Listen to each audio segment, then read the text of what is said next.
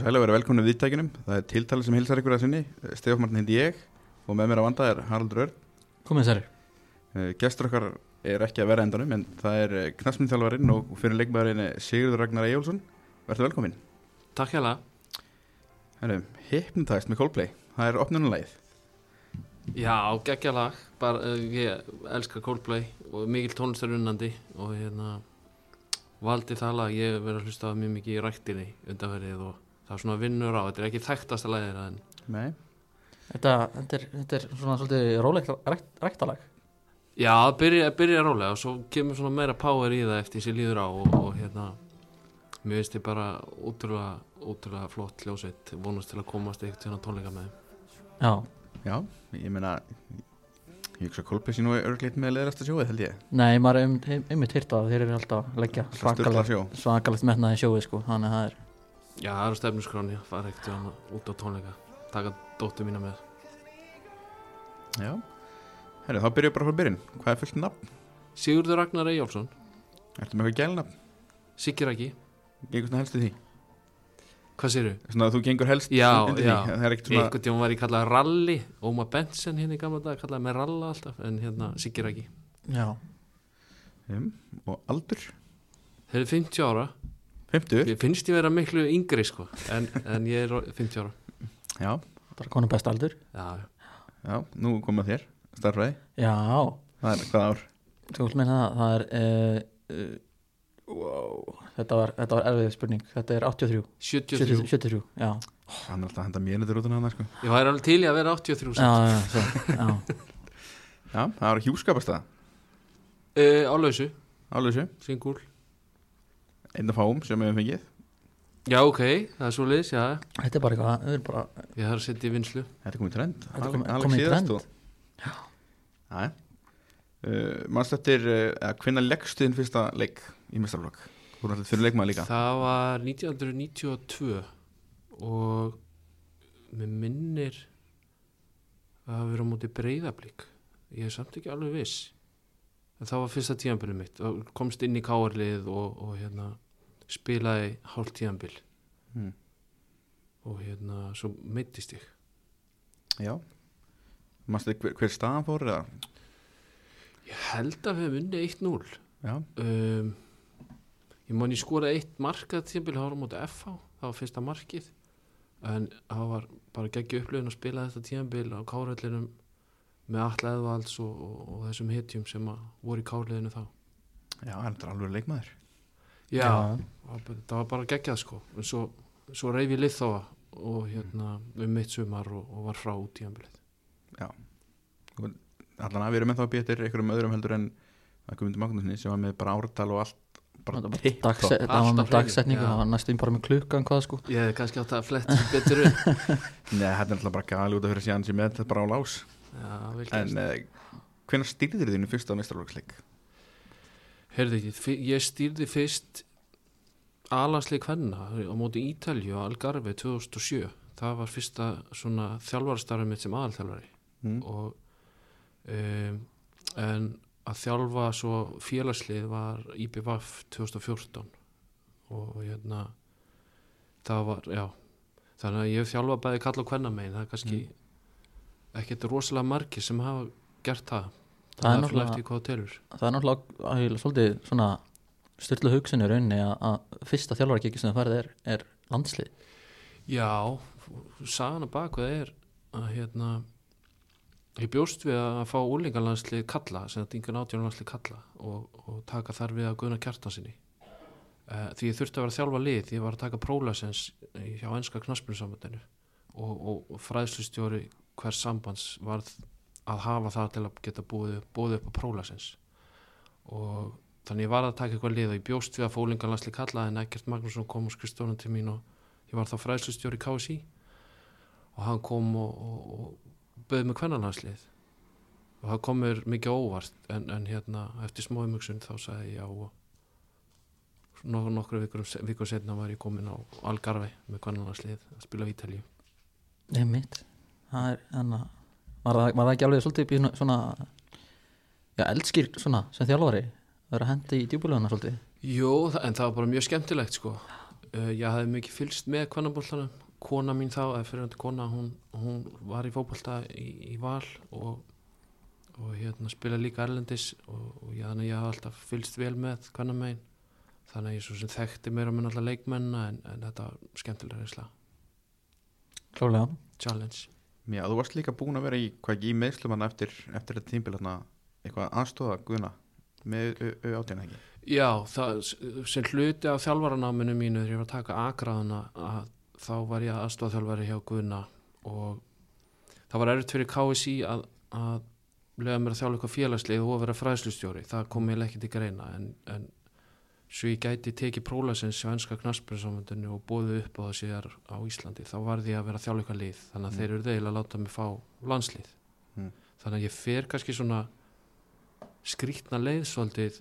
Ég ætlaði ekki að fara út í þjálfinu þarna en varð að taka veist, þjálfarstarf þannig að hérna, en svo var þetta bara hrikalega gaman. Þannig að held áfram. Já, og greinlega fest, fest eitthvað í þessu allavega? Já, maður er ennþá, ennþá í þessu sko. Já, Já, um, hver er uppáhaldsdrykkur? heyrðu, ætli ég verið ekki að segja appelsín ég, ég hef aldrei drukkið áfengi þannig að hérna það er bara appelsín og vatn appelsín í stránkæðilegt. Ég er mikill appelsín maður Náttúrulega bara Mm. besta sikulösa gósið sko sem að hérna, þú veist það er bara alveg eins þannig að maður getur bara hendi í sikulöst já, ef ég er að fá mig góða máltíð þá fæ ég mér appelsín annars, annars, annars er það bara íslenska vatnið, ískalt sem Já. er best En þá uppáhalds mannslustæður Ég hugsa þessi grillmarkaðurinn. Það eru nokkri mjög góði staðir. Grillmarkaðurinn, kól apotek, þetta eru aðeinslegi staðir. Og, og ég fer ofta á Bombay líka í ármúla Mm. inn með indverska mat og hérna er mikið sælkeri þegar kemur að, góða mat Já, hvernig bíl er þá? þegar ég er á Hyundai Tucson og hérna ég er ekki mikill bílakall ég hef aldrei verið eitthvað á einhverjum einhverjum rosa kakka sko. En hann er bara svona praktískur fjölskyldu bíl Það er fínt, við höfum engar djúpar bílaspurningar að spyrja. Já, það er gott. Ef eru fjögur dekka á þannig að það er hann yfirleitt nóg. Já. um, Uppáhalds sjónvastáttur Heyrðu, það er Friends. Búin að Yes. horfa á alla seríuna nokkur sinnum.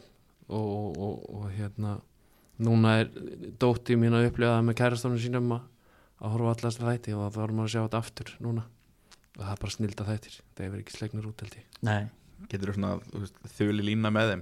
Eða, Já, maður kann þetta allt sko, utan að sko. Þetta gleymist ekki þessi þættir er- eldast ótrúlega vel. Mm, þannig að hérna, maður kannast bara er það sjálfur sko, þegar þetta er í gangi maður, svona, þú veist, maður heyri í sem maður veit nákvæmlega hvað er að gerast bara að maður er búin að sjá þetta svo oft. Já, algjörlega. Og getur allir þöli mér bara hvað kemur næst og, allir frasarnir og taktarnir og... það er, jana, þú veist, ég, ég, er, ég er reynið mér sá sko, stundum að passa mig sko, ég getur verið óþólandi típan sem er byrjað búin að segja brandarann að hann gerist í sjónarfinu sko. Það er svona, já, þetta eru snilda þættir. Já, en sem svo umfyllin og svona veist, þegar hérna bara stúkan og svona Fyl- fylgdist eitthvað með því? Já, maður reynir, maður reynir að fylgjast vel með og, og í raun og veru er ég allt og mikil alæta og allt svona efni. Um, og bara ég er dátil sveimhugi með það kannski. Ég, ég er svona detti að, að fylgjast með allt og mörgu Mm. ef eitthvað er. Þannig að hérna maður reynir maður náttúrulega sérstaklega eins og fótbolta þá reynir maður og fótbolta þjálfun að fylgjast með hvað er í gangi og, og svona þegar maður þyrft að vera kannski stundum fókusæðari á eitt eða tvö atrið þá, þá er ég stundum svona bara út um allt að fylgjast með öllu það er náttúrulega þó margir uh, þjálfarar í íslenska boltanum sem hafa, hafa hérna uh, já, hvað er taka hérna uh, taka upp svona heiðurinn fyrir, fyrir liðinu í, í fjölmjölum og svona og kannski svona svarað einu með tveimur kommentum sem hafa komið í stúkunni eða podcastum eða eitthvað. Hérna, hve- hvernig finnst þér þetta svona þau ert að, ert að þjálfa lið þannig að finnst þér stundum, þurfa að svara fyrir þannig þessi komment sem þú heyrir í stúkunni eða podcastum Nei, svona, mér fannst það meira áður fyrir sem þjálfari, þá var maður kannski viðkvæmani fyrir gaggrinni og tók meira inn á sig ef að liðans maður ekki að spila vel eða maður tapaði eða maður þarf svona þú getur aldrei stýrt uh, áliti annara eða hvað fólk, fólki finnst og verður bara verið að skoðanir annara og, og hérna og lifa með þeim, þetta er hlut af starfinu og eftir sem maður verður eldra þorskari þá tekur maður þetta minna inn á sig hvað öðrum finnst og, og, og reynir að sjá kannski líka þú veist ok, er kannski sannleiskotni í því sem er verið að segja get ég tekið eitthvað í til mín og, og, bætliðið mitt eða þannig að hérna, ég held að hafa komið með meiri reynslu og þroska að geta dílað við mótlæti og, Mm. eins og þú veist uh, við tókum Adama í, svona, já, fyrsta viðtalið sem við tókum í það að það var mitt, hann kom að orða að veist, hann, hann heldur að allir leikmenn og allir þeir fylgjast með þessu og þeir sem fylgjast ekki með þessu ljúga þeir eða sérst, segjast ekki fylgjast með þessu þeir séu bara ljúga þeir. Heldur þessu eitthvað til í því það séu allir með já, allir fylgjast með þessu? Já, auðvitað, auðvitað fylgst allir mjög vel með því að þetta hefur verið frá, frábælega unnið og, og, og þetta er umföllurinn um, um það sem stendur okkur næst. Þannig að okkur þykir vænt um það sem við erum að gera og heiða tími þannig að það gefur auðvitað að, að það skiptir máli hvað er sagtar og, og hérna og umfjöllun sér góð og fagleg og allir, allir vilja fá góð umfjöllun um sig. Þannig að ég held að fylgst allir með þessu klárlega. Já, maður er oft séð til dæmis eins og þú veist, þjálfarar við tölum svona kannski einna helst þegar það er að spyrja út í eitthvað út í eitthvað umræði sem hefur skapast þá er þetta eitthvað svona svona leiða er einhvern veginn svona frá þessu, bara já, ég hef ekkert fylgst með þessu þannig að ég veit ekkert hvað, hvað er að tala um. Já, ég, ég, við, við, við reynum stundum að vera lungnir líka að þjálfarnir að sneiða hjá viðkvæmur umræði eða, eða hérna, neikvæður umræði þannig að, þannig að oft er það oft er það líka kannski bara eitthvað sem að við viljum forðast að tala um. Mm. Þa, það getur líka verið það. Gleymist náttúrulega stundum eru hérna stundum eru þessi viðtöl oft bara svolítið svona uh, já svona tól kannski fyrir þjálfaran fyrir að segja eitthvað inn í hópin eða inn í, inn í, inn í eitthvað eða svona. Algjörlega það getur líka að- verið það ég sammála því. Já, en þá já, kannski snertum að það á þann uppáhalds tónlistamör upp á tónlist sem að vá, það eru margir. Ég myndi segja Erlendur ljósast um Coldplay. Mm. uh, ég er mjög hrifin á nýdönsk hérna heima og fara tónleika með þeim og Valdimar Mm. uh, hljómsveit úr Keflæk og Garðinum sem er snildan hljómsveit. Þeir, Mm. þeir komin svona óvænt heim til mín og ég held ég færtu sammæli mitt bönguð upp á heima og sp- spiluðu nokkur lög sem var geggja þannig að þeir hafa verið í, í uppáhaldi síðan. Sko ég mann þegar ég var sko smapóli, ég náttúrulega er úr Reykjanesbæ eða úr, Njarvík og, og hérna þá mann mann alltaf eftir ég á keflækilin þá valdi maður með básununa í stúkunni hann og Joe Drömmer og já, strákar. já, snild. Þannig að hann var ekki visslega með þetta leikið þá. Já, ég trommuleikan hljómsveit líka Þorvaldur hann er, hann er skildur besta vinnu mínum. Mm. Hilmari Þórlind síðan að handbólta kappa úr Káar í gamla dag þannig að hérna, hann er svonur sýstir hans. Þannig að, svona maður hefur taugar til hljómsveitir hennar já, þeir eru góðir. En svona svo hlaðvörp hlustur það mikið á hlaðvörp og hvað er það svona uppáhalds uh, Nei, kannski minna hlusta á þau en, en, en svona ég dett oft inn í að, að, að, að svona reyna við að með þekkingu að fá hugmyndir og, og hlusta þá tekstundum úr öðrum geirum ekki bara Mm. úr fótboltaþjálfun þannig að reyna að yfirfæra yfir, yfirfæra yfir á það sem ég er að gera að fást fyrir hverju sinni þannig að hérna það var kannski að díla við eitthvað vandamál að, að, að að pæli okkur hvern, hvernig hafa aðrir þjálfarar jáfnvel í öðrum greinum díla við sömu vandamál? Uh, þannig að svona ég, ég googla meir eitthvað sem að ég er að leita að og detta kannski inn í eitthvað hlaðvarp, hlaðvarp eða detta inn á eitthvað síðu sem ég lesu með bók. Mm. uh, eða þá má spjalla við eitthvað sem að sem að maður lítur upp til eða telur að geta hjálpa sér með það sem maður er að fást við. En hlustur ekki á eins og þú veist Hjörvar og Dr. Fútból og, og þessi fótboltahlaðvörp Nei, ég gerði það áður fyrir en það hefur verið minna og minna eftir sem að þegar maður hefur, sérstaklega er maður í starfi þá hefur maður óbúslega lítinn tíma Mm.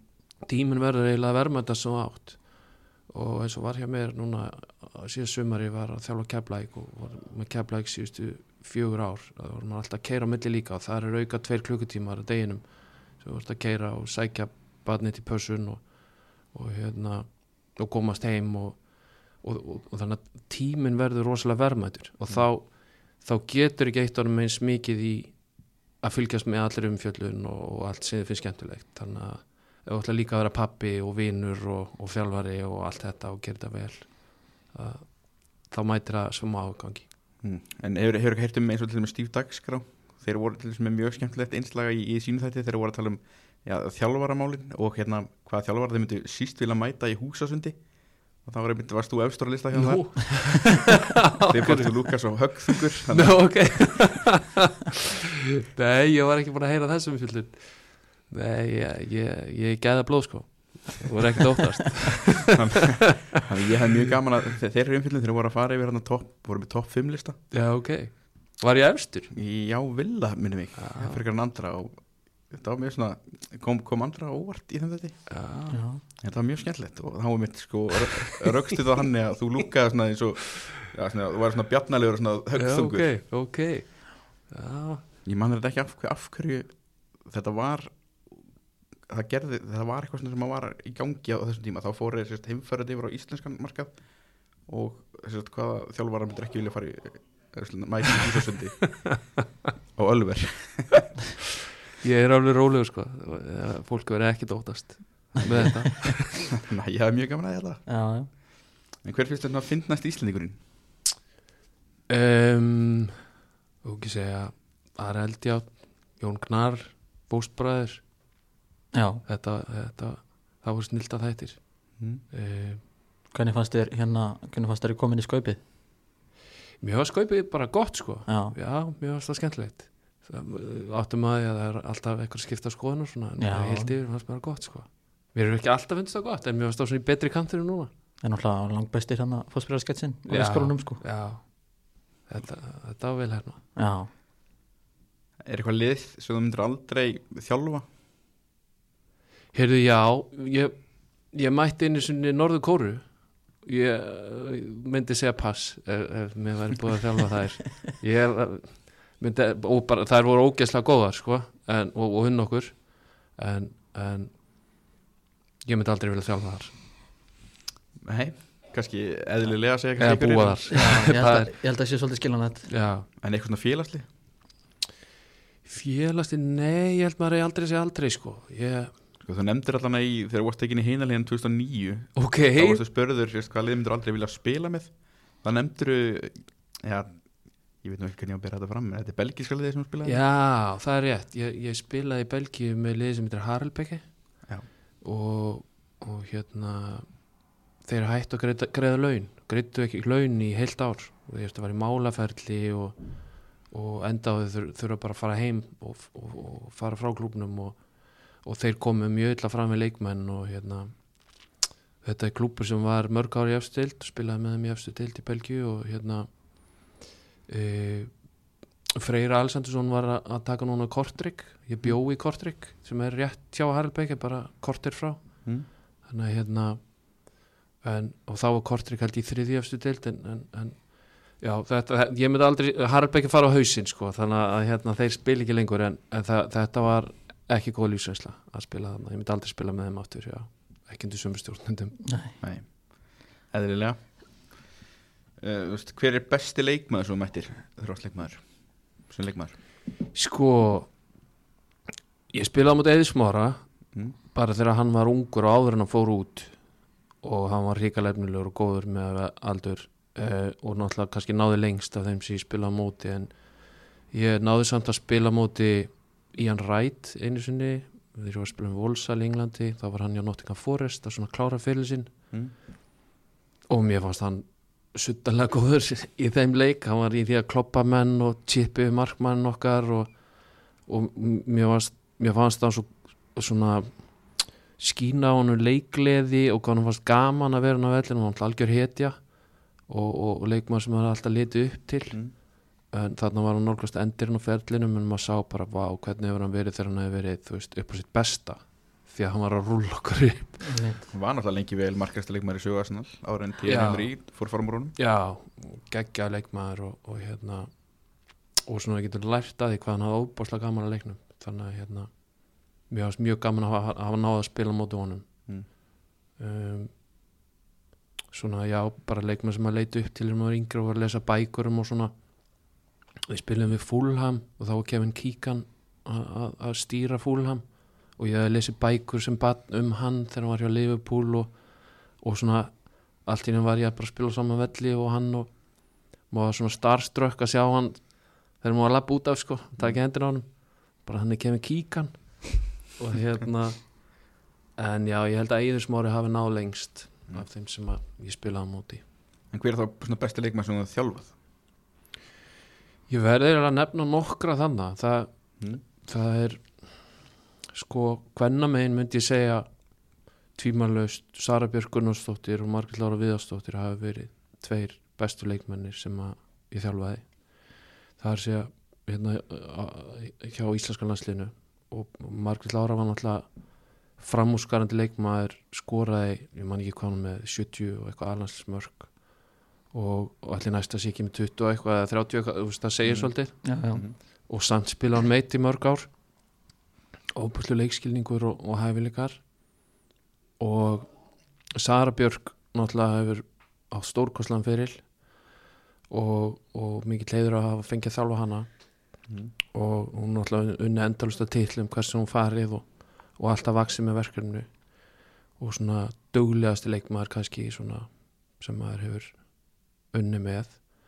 Um, eða þegar ég þjálfaði kýmverska kvannlandslið þá, þá vorum við með leikmann sem heitir Wang Shuang sem var, hún var valið besti leikmaður Asju og er líka stórkuslu leikmaður um, tæknilega mjög góð.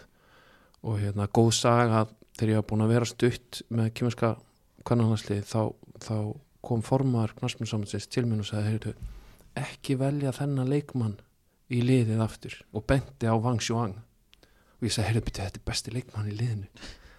Og hann sagði, "Ná, ekki hann aftur. Hún spilar ekki neina vörn.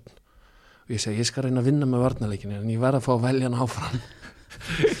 Og svo, svo hún var valið besti leikmaður Asi þannig einhverjum tveim, þreim mánuðum eftir að ég hætti með liðið Mm. þannig að þetta er svona hæfileikar ykkurstu leikmannir séð þjálfa hvernig megin kalla megin þá, þá var ég aðstofa þjálfari að guðna kjartans þegar með yngan átjónalansliði þegar, þegar það var gullalda lið okkar reyna að vera, Gilvi Sig og, og hérna Aron Einar og þessi strákar 89 árgangarinn Mm. voru, voru þarna. Þannig að hann er sennilega svo leikmaður sem að kalla megin hefur náð lengst af þeim séð þjálfa. Hvernig var hérna í Kína þú veist, þú veist að þjálfa, ertu bara að þjálfa í, í gegnum túlk þá eða? Já, ég var með túr sem heitir Frank og hérna hann bara þýtti allt sem að ég sagði. Það voru nokkri leikmenn sem töluðu sem ennsku en líka mjög margi, margar sem töluðu ekki neina ennsku eða, eða skildu mjög takmarkað ennsku. Þannig að það þurfti alltaf að hafa hann með í öllum samtölum og leysræðum taka pásurinn á milli, segja eina tvær setningar sem hann geti að, hérna, en hann var mjög fær hvernig er hérna ég veit ekki, sko, þú nú kannski ekki dölur að taka hálfblóðsvaran en, en hérna ef þú, ef, það þú ert eitthvað hérna, þarf að koma mörgu frá þér út í einu er, getur ekki verið svolítið kannski frústirandi að þurfa að sé að pása og lefa hann á því það Jú, ég var, ég var með, áður en ég tóku kýminska kannanlanslinu, þá var ég með kýminsk félagslið sem heitir Jiangsu Suning og hann var túlkur þar og, og við vorum farnir að vinna mjög vel saman. Og hérna, en ég tók hann með mér þegar ég tók við liðinu þannig að og hann var, hann, þú veist, þegar ég æsti mig þá, þá talaði hann líka eins og hann væri æstur á kýminsku, þú veist, þannig að hann var mjög góður í því, svona reyndað ef ég sveiflaði hendina, þá sveiflaði hann líka hendinni og þannig að sem er snild sko, já, þannig að hann var mjög góður. Eh, Já, og var ekkert erið þá hvað, halda andlitið þegar hann er hérna með hliðina á þau líka? Nei, þetta er bara einhvern veginn venst sko. Mér, það, þetta var ótrúlega skemmtileg upplifun að, að, hérna, að vinna þarna og, og, já, veist, það, það var 20, 25 manna staff eða eitthvað sem ég var að stýra þannig að þetta var mikill lærdómur og, og, og skemmtilegt komið frá mörgu löndum og, mm. og hérna allt til alls til árangri Já, en hver er svona besti þjálfarinn sem þjálfaði þig sem leikmaður? Mér finnst besti þjálfarinn til þjálfaði mig vera Reykar Eidon sem þjálfaði mig hjá Volsal í Englandi og hann hafði þjálfað í ennsku úrastildinni sem sko þjálfari ekki sem manager uh, verið svona maðurinn út á velli að gera leikum betri. Og hann var að kenna mér fótbolta á miklu dýpri hátt heldur en aðri þjálfarar hefðu gert uh, og var, var frábæra á einhverjum þannig að Reykar Eidon myndi segja að hann fó, svona, kom liðinu upp fyrst tíðanbili sem að ég var með þeim. Bjarnur Lársson var líka með, með, með okkur uh, þess að volsal og fórum upp í næsta eftir deild og hérna en ég vel líka að segja að maður reynir, maður hefur haft marga tugi þjálfari gegnum ferilin og það er alltaf eitthvað sem ekki tekið frá hverjum einum Mm. og eins og ég var hjá Gauja Þórðar og það er alltaf, þegar maður horfði á skaga þættina um, um daginn að hérna það var alltaf magnað hverju hann áorkaði á sínum ferli Mm. og þegar hann var upp á sitt besta þegar hann heilt liðsræðina sínar þá bara það var frábæraðið með sko. Hérna, þannig að þá reyndi maður að get ég tekið eitthvað frá honum og nýtt sem þjálfari og get ég tekið eitthvað frá Ray Greiton út á æfingavellinum þegar ég er að kenna leikmannum stöðuna sína, taktík eða annað og, og svona reynir maður að hugsa bara með hvað þjálfar sem maður haft, hvað get ég tekið frá honum Mm. Alli Eðvalds var frábær svona peppari, kom og talaði við mann sko, hann var einu stóra stjarnan í fyrirlið landslýsins og hann var að talaði mig hérna 18 ára guttan sem var að byrja fyrsta tíðanbili sitt og peppa mann, stapp mann stálinu og, og svona þú veist geggjaði, ég get tekið það frá honum Mhm.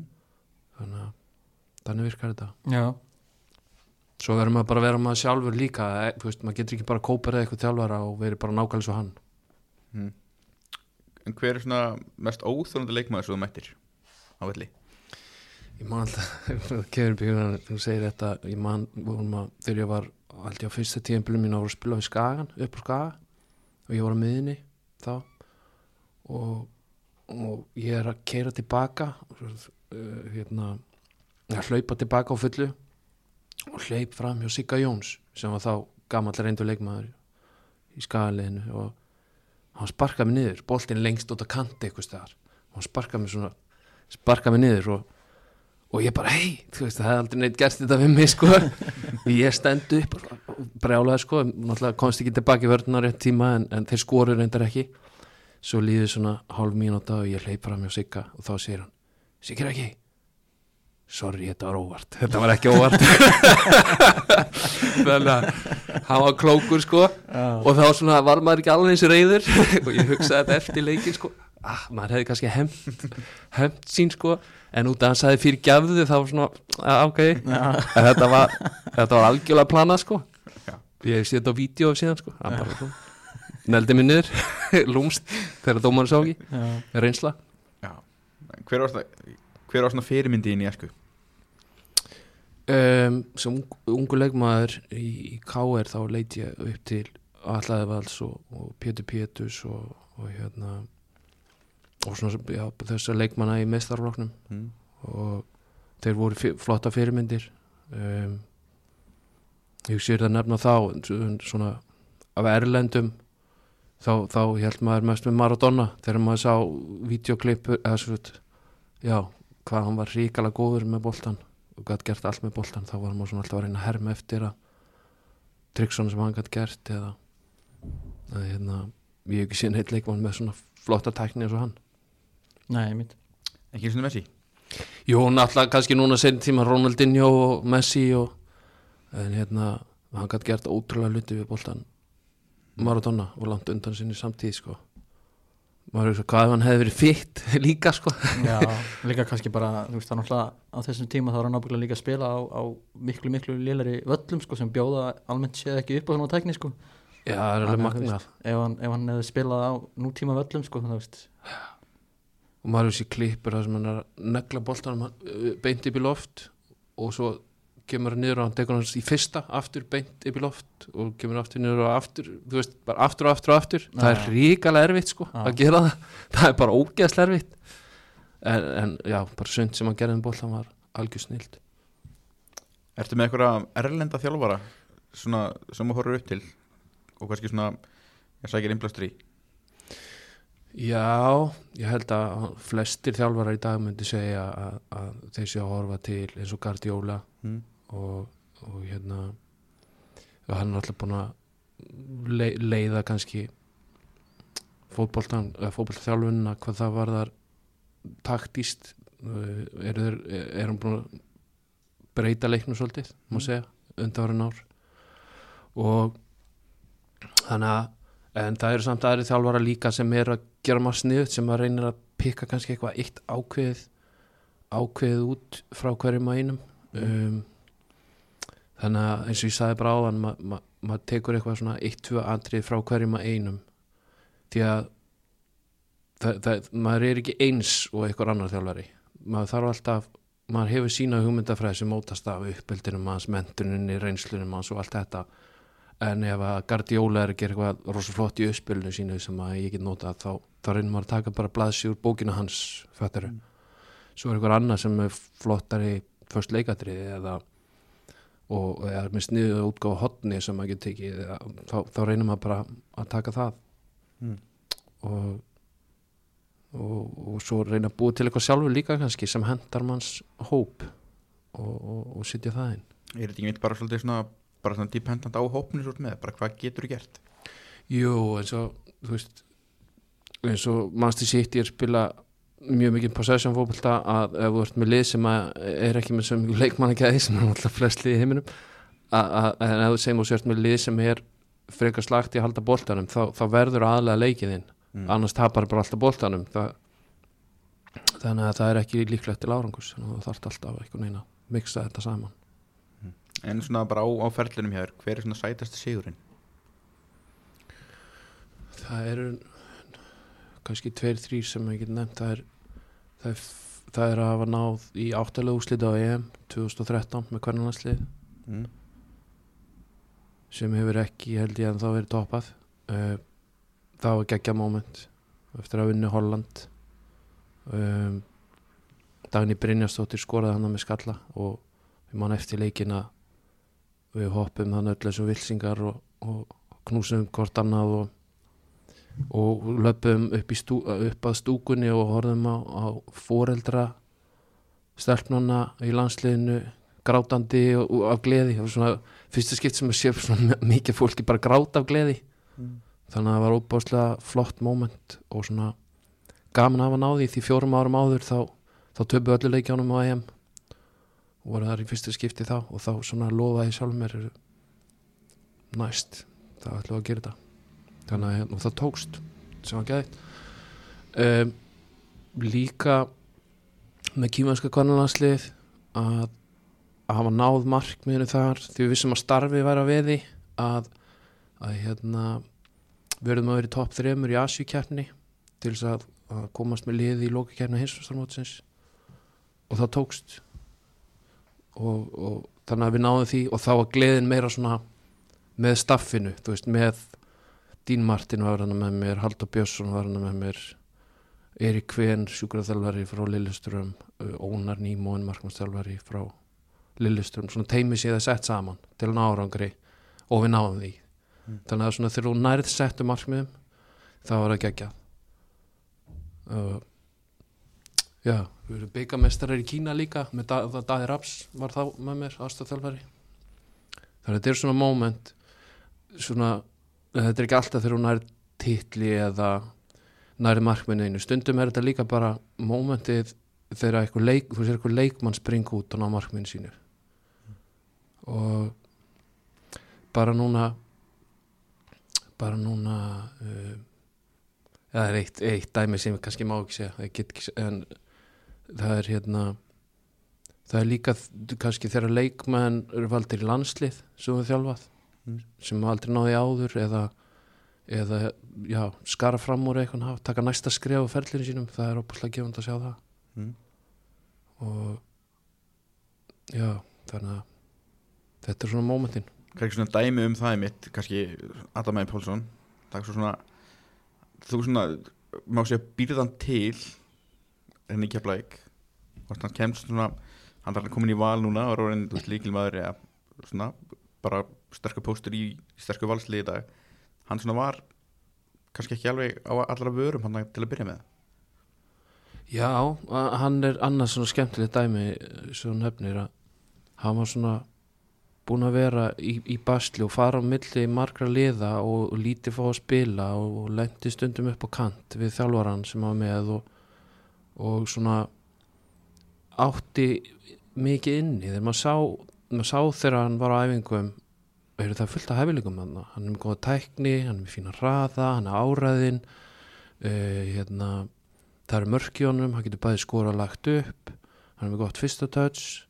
Þannig að maður hugsaði býtu, við hljóttum að geta ná meira út úr honum og, og við tókum mjög, marg, mjög margar samræður um hvernig væri best fyrir hann að nálgast leikinn sinn og spila með liðinu og, og hérna og þá voru ekkert allir kannski í byrjun sem að voru bara yes, hérna, láta Adam spila og, og hérna.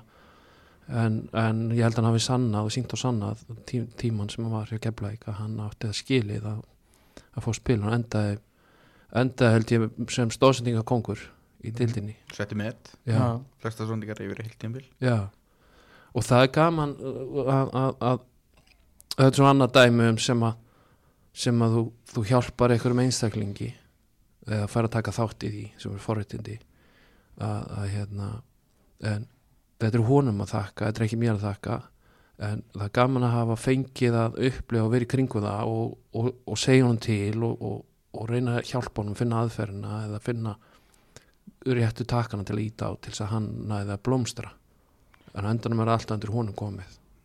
Hvernig fannst þér það samt sem þjálfari? Hérna, er það ekki tímpil 2001 hérna uh, í bara loka leiknum þegar að hérna þetta er eiginlega orðið komist hérna hvað hann er mikið að eldast við hérna stöðsendinga hérna metið? en 22 ja, 22 já, Já. já. þannig að þú veist hvernig þannig að þú, hann, hann er næstu með opið mark fyrir sjálf hann er að býða eftir manni til þess að hérna að gefa og þannig að hvernig fannst þér sem þjálfari að vera þannig að þú veist þið voru safe þá held ég?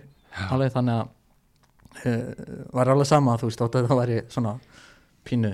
Já, já, við, við endum það tímanbíl í sjönda sæti og hann endaði sem stóðsendingakongur og, og ég man, það voru svona eitt, tvö moment einmitt það sem hann var frekar að reyna að gefa hann heldur en að skora sjálfur sko. í, hérna, þannig að þetta var búið að snúast. Áður var sagt, "Heyrðu, hann er alltaf mikið legin hagsmunasegur var alltaf að reyna að skora skjóti ómuljum færum og eitthvað svona.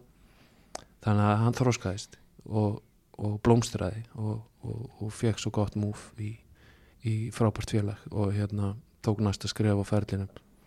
Bara gaman að að- að hafa tekið þátt í ég myndi var með að textalýsa lokaleiknum mútið fram á kjaflækvellinu og sko hann allan að samfæra mig um það að hann hefði átt stóðsendinguna í fyrsta markinu. Ég held að það hafi verið svona hálgir hokkisending þetta fór af varnamenni Já, hann var alveg fastur af því að hann átti að átti stóðsendinguna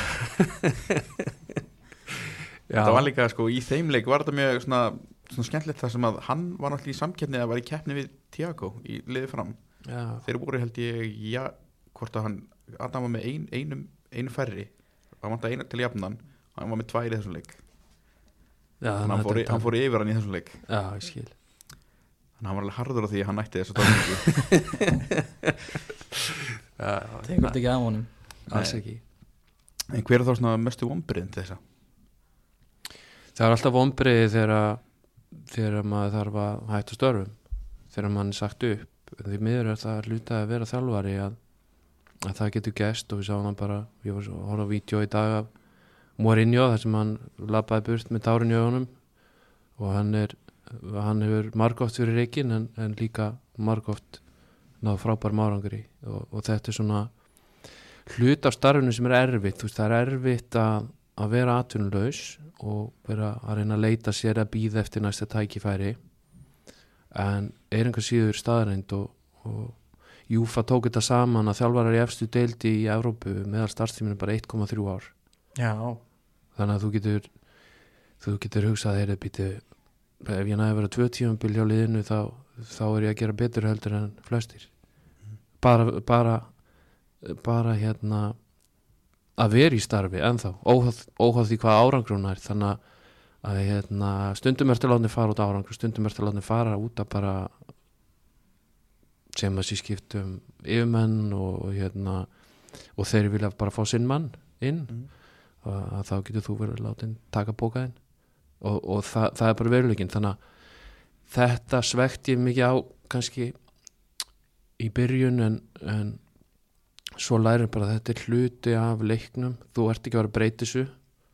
Og hérna, svona, svona er veruleikin bara með þetta starf tiltakna starf, þannig að- að þú ert að læra að lifa með þessu og læra að njóta þessar mómenta sem þú færið sem eru forréttindi að fá að hjálpa einstakar leikmannum eða hjálpa liðinu að vera betra eða hjálpa ungu leikmannum að taka næsta skrifa á ferlinum eða þú veist, finna ok, ég skipti máli það, veist, það er enginn að koma hérna og setja metalið um hálsuna þér eða, eða segja já hei frábær starf eða eitthvað en, en þú veist að þú áttir moment með hverjum einu leikmanni sem að þú gast hjálpa þeim eða Mm. ráðlætt þeim eða gert að pínliti betri þannig að, hérna, stundum er það fótboltaráð stundum er það bara ráð með, með lífi sjálft og þannig að, að þú svona tekur þetta með þér Mm. frá starfinu hverju sinni? Núna ertu einmitt uh, án starfs núna, hvað hérna uh, hvað ertu að, hvað, þú veist, hvað gerir þú svona núna almennt þegar þú ert þannig, milli liða? Bara, Já, ég, það, ég hérna, reyni auðvitað að fá annað starf um, uh, bæði ger, það, það sem ég reyna að gera alltaf þegar ég ekki starfi er að reyna að koma mér í gott form að halda mér í góðu formi þannig að núna er ég að æfa nánast á hverjum degi fara í world class og hérna sem oft situr á hakanum því miður þegar maður er í busy starfi Mm. og þá setur maður sjálfan sig í, í síðarsæti og hérna þannig að ég reyni að, að gera hluti sem að sem hafa setið á hakanum vera aðeins betri pappi heldur en þegar ég er í starfi og bönni mín sjá mig meira heldur en þegar ég er í starfi og gera hluti með þeim og hérna en svo er þetta oft reyna að hafa samband við umbósmenn spurja og gera research sjálfur hvar er laus störf get ég sótt um það eða get ég þekki eitthvað sem getur komið nafni mín að. Um, að, þetta er alltaf líka góðu tími fyrir sjálfskoðun þú veist, vilja vera í þjálfun áfram vilja vera uh, sumir, sumir hafa farið yfir í, í, í önnur störf uh, eins og við maður knaspunumála sem er kannski að aukast hérna heima svoleið störf uh, eða langar maður að gera bara eitthvað annað í lífinu. Þannig að þetta er alltaf góðu tími en maður, ég kem einhvern veginn alltaf aftur að þessu að mér finnst það opaslega gaman að gefa þetta að þjálfa og ef að starf býðst í þjálfun þá, þá er ég spenntastur að gera það áfram. Mm. uh, en, en maður veit aldrei hvað framtíðin byrja skauti sér þetta er bara hluta leiknum. Eft- eftir, eftir keflaðik hafa ykkur lið svona sett í samband og svona, bara svona tekið púls Já, ég fór náttúrulega svona kom fram í fjölmjölum að ég fór í viðtöl hjá, hjá KR og fekk ekki það starf og það er náttúrulega bara þegar að að starfi er eftirsóknarvert þá, þá veist að það eru fleiri kandidatar sem er verið að ræða við líka og er í samkenni við þeim að fá starfið og það er eðlilegt. Uh, ég sótti um daginn um starfa bara á LinkedIn sem sóttum þar þjálfur starfa erlendis. Og það voru mörg hundur þjálfarar sem sóttum þannig að hérna, það er held ég ekki leiðin til að fá eftirsóknarvert starf. Ég, ég, þetta er meira hvern þekkjuru sem að veit hvernig hún vinnur eða veit hvernig persónu er, hvernig þjálfar þú ert sem er kannski ekki alltaf endilega sama persónu sem er dregin upp í, að mynd sem er dregin að þér í fjölmjölum það þarf ekki að vera það en, en svona eitthvað sem að hefur kannski verið hjá þér sem leikmaður eða sem getur lagt inn gott orð fyrir þig ef þú veist að eitthvað laustarfi eða, eða kollegi í þjálfun eða eitthvað sem ég kynst í gegnum þjálfara mentun ég var fræðslustjóri hjá KSI í 13 ár þannig að maður kynntist hans í mörgum Mm. frá mörgum löndum líka og já, reyna, reynir að koma þínu nafni að og ég hef þjálfað tvö, tvö landslið í 8 ár bæði eru topp 15 í heiminum. Þa, það er þannig að ég, ég hef margt á fyrirskráni sem að hjálpa mér bæði þjálfa kalla og kvanna og hvort hefur sinn sjarma. Um, en það er enginn sem að bara enginn sem kemur bara og segir heyrðu hérna er þjálfarstarfið þitt og hérna það er alltaf bara samkeppni og, og viðtalsferli og, og þú varst að samfæra og, og allt þetta þannig að það er þessi til og þetta er bara það sem er að reyna að gera. Nú var þessi KR leit náttúrulega svolítið, hérna, svolítið mikið í fjölmjölum og þannig að uh, já, tímabili þá leiti þetta næstuð út í svo bínu fjasko sko, þannig að það var, eh, þú veist eh, það var mér sér bara heila á, á að svo var hver á fætur öðrum að, að segja bara, nei, nei, ég er ekkert að fyrir þjálfari KR hérna uh, hvernig var þetta fyrir þér svona sérstaklega þetta, hversu stórt þetta varð þú veist í fjölmjölum og margir að tala um þitt nafn og segja hvað þeim finnst hvort að þú eittir að vera þjálfari káar eða ekki og svona, þú veist uh, hvernig er þetta, þetta ferli svona, þú veist, fyrir því persónulega? Um, ferli var bara uh, í raun og veru þú svipað og er hjá, hjá öðrum félögum að, að þeir, þeir tala við nokkra kandidata og, og ég átti fyrst fund með, með formanni, formannum uh, það sem var meira bara svona almennt spjall um hvað gæti orðið um haustið? Uh, það var ekki rætt sérstaklega um, um uh, að starfi, starfi á rúnari myndi losna. Uh, við rættum með landslíkum kvennalið KR og, og svona breytingar sem KR hefðist gera og eitthvað. Þannig að það var meira svona almennt spjall við formannin en síðan fór ég í viðtal út frá um starf mestrós kalla þegar Kára bákaði að, að hérna, endur ekki samningi með rúnar. Og þá fór ég að fund með, með, með Bjarnar Guðjóns frangatstjóra og, og Indriða sig sem er í, í stjórninni og átti bara góðan fund með þeim og, og faglegan flottan fund með þeim og, og fannst það ganga vel en, en hérna svo er það bara stjórnarinnar alltaf ákvæða hvernig þeir vilja ráða og, og þeir uh, ákvæðu að ráða annan þjálfara þannig að uh, bara ég óska, þú veist, K.R. er klúburinn minn og þannig að ég alltaf, mun alltaf bera sterkar dögar til K.R. Og halda með þeim og hérna vona þeim gangi vel hverju sinni og þeir eru að byggja upp núna nýtt lið og, og hafa mistið eitthvað leikmann en fengi eitthvað aðri staðin og Greg Rættir þar sinn tíma til að, setja sitt sinn stempil á liðið og hérna kannski fæði tækja færi eitthvað tíman í framtíðinni setna að að þjálfa upphaldsklúpin það, það, það er því alltaf frábæri upplifun. En, en svona fjölmjölu um það þannig að það var náttúrulega, þú veist það, það voru alveg þó nokkrir ja, allavega einn eða tveir káringar sem að hafa svona já, sterkaskoðanir sem að voru kannski ekki sem að vildu ekkert endilega fá þig inn í stólin, stjórnstólin er það bara, þú veist, goes with the job eða?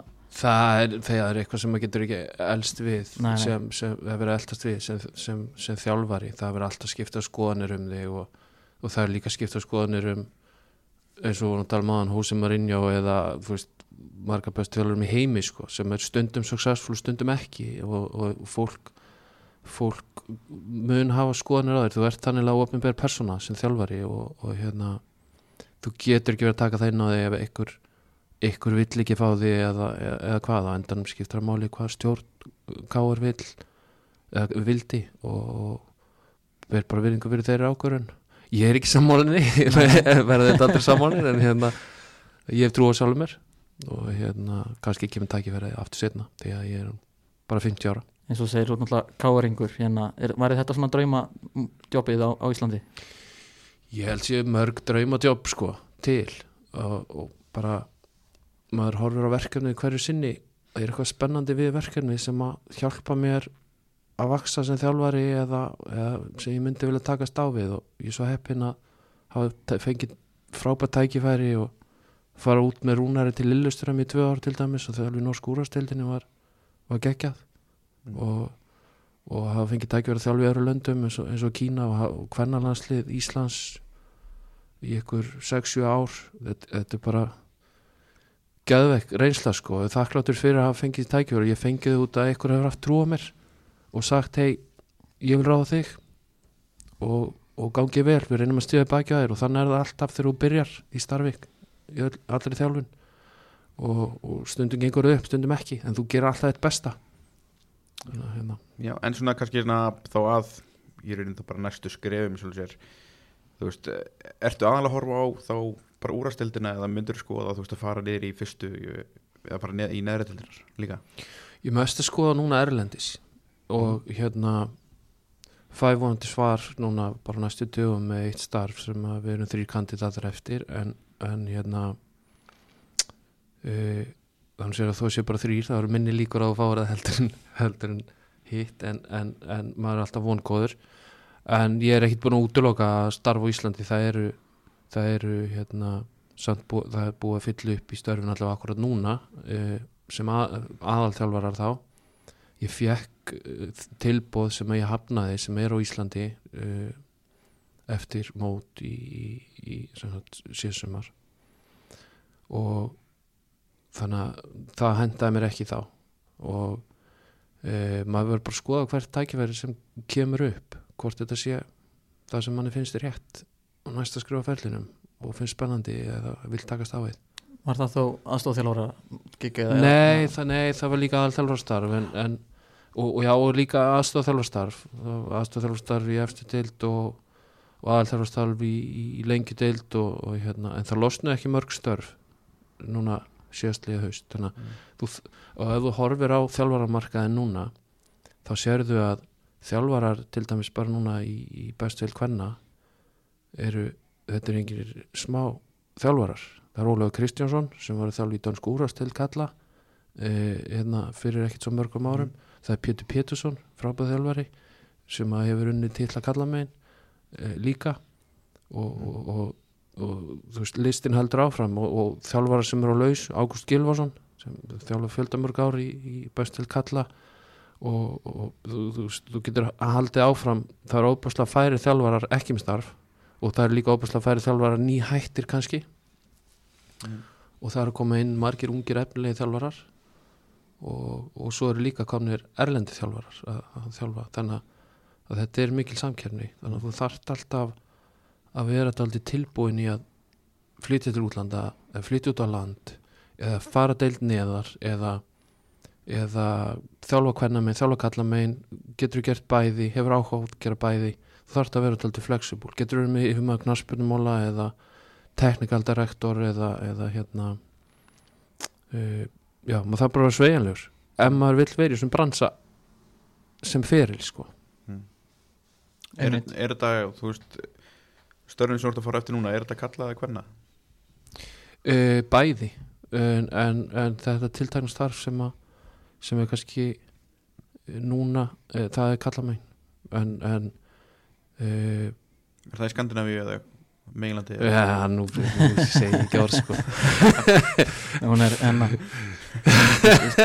gamla fréttan yfir komið Já, strax. skiljum það eftir fyrir hérna stangið eða eitthvað að byrja að leita hva, Já. hvaðan störfur laus þar sem þrýr kandidatar er eftir við þurfum bara að sjá en, en hérna mér hefur fundist að lífsreynslu og gaman að búa erlendis og Mm. fá þjálfa og forréttindi þannig að ég, ég er alveg tilbúin í það ævintýri þú veist að hérna að prófa það aftur ef, að- Mm.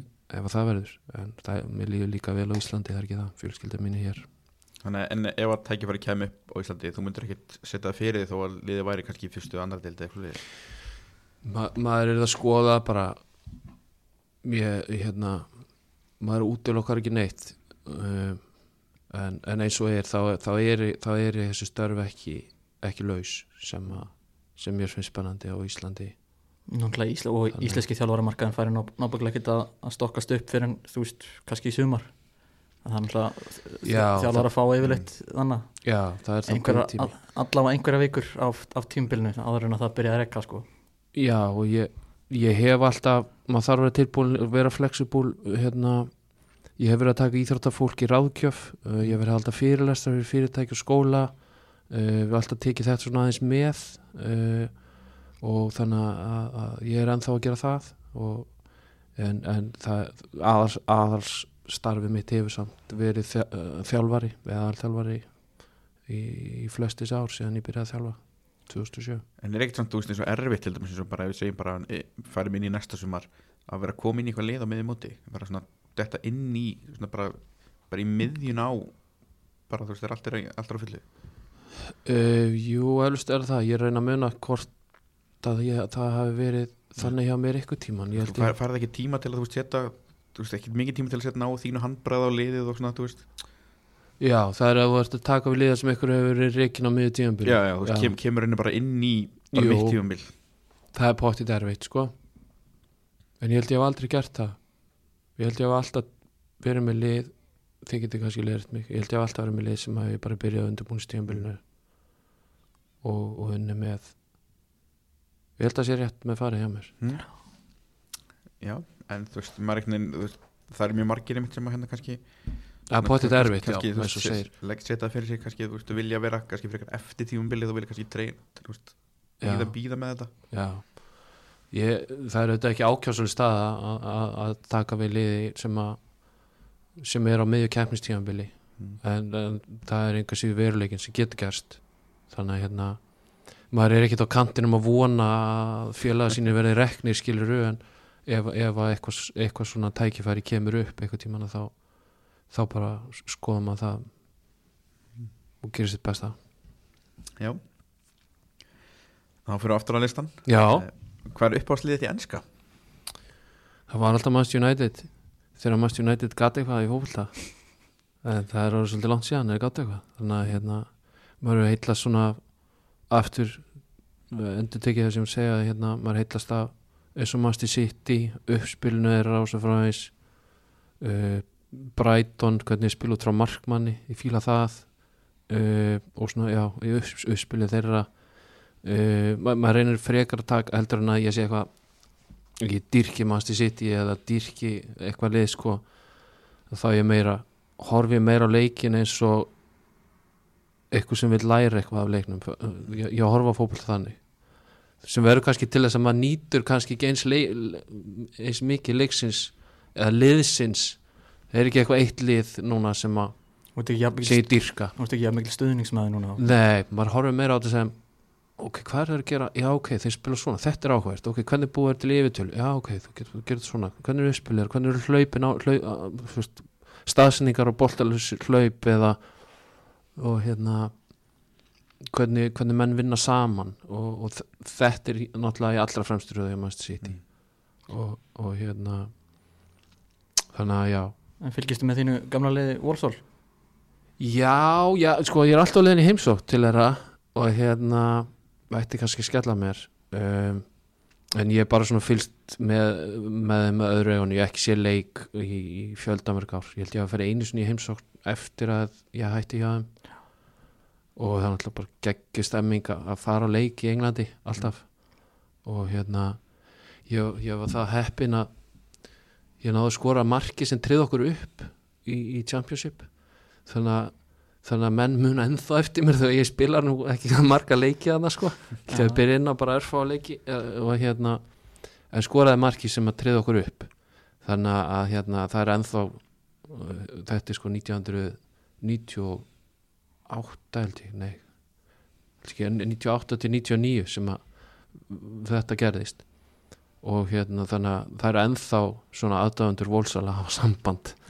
Þannig að maður sér. Marki gegn Oldham Já, markinn á Oldham og hérna og sem var geggjað hlupa allir inn á vellinu það var uppselt og tíust manns á vellinu með eitthvað tíu tólst manns sem að vellinu tók þá.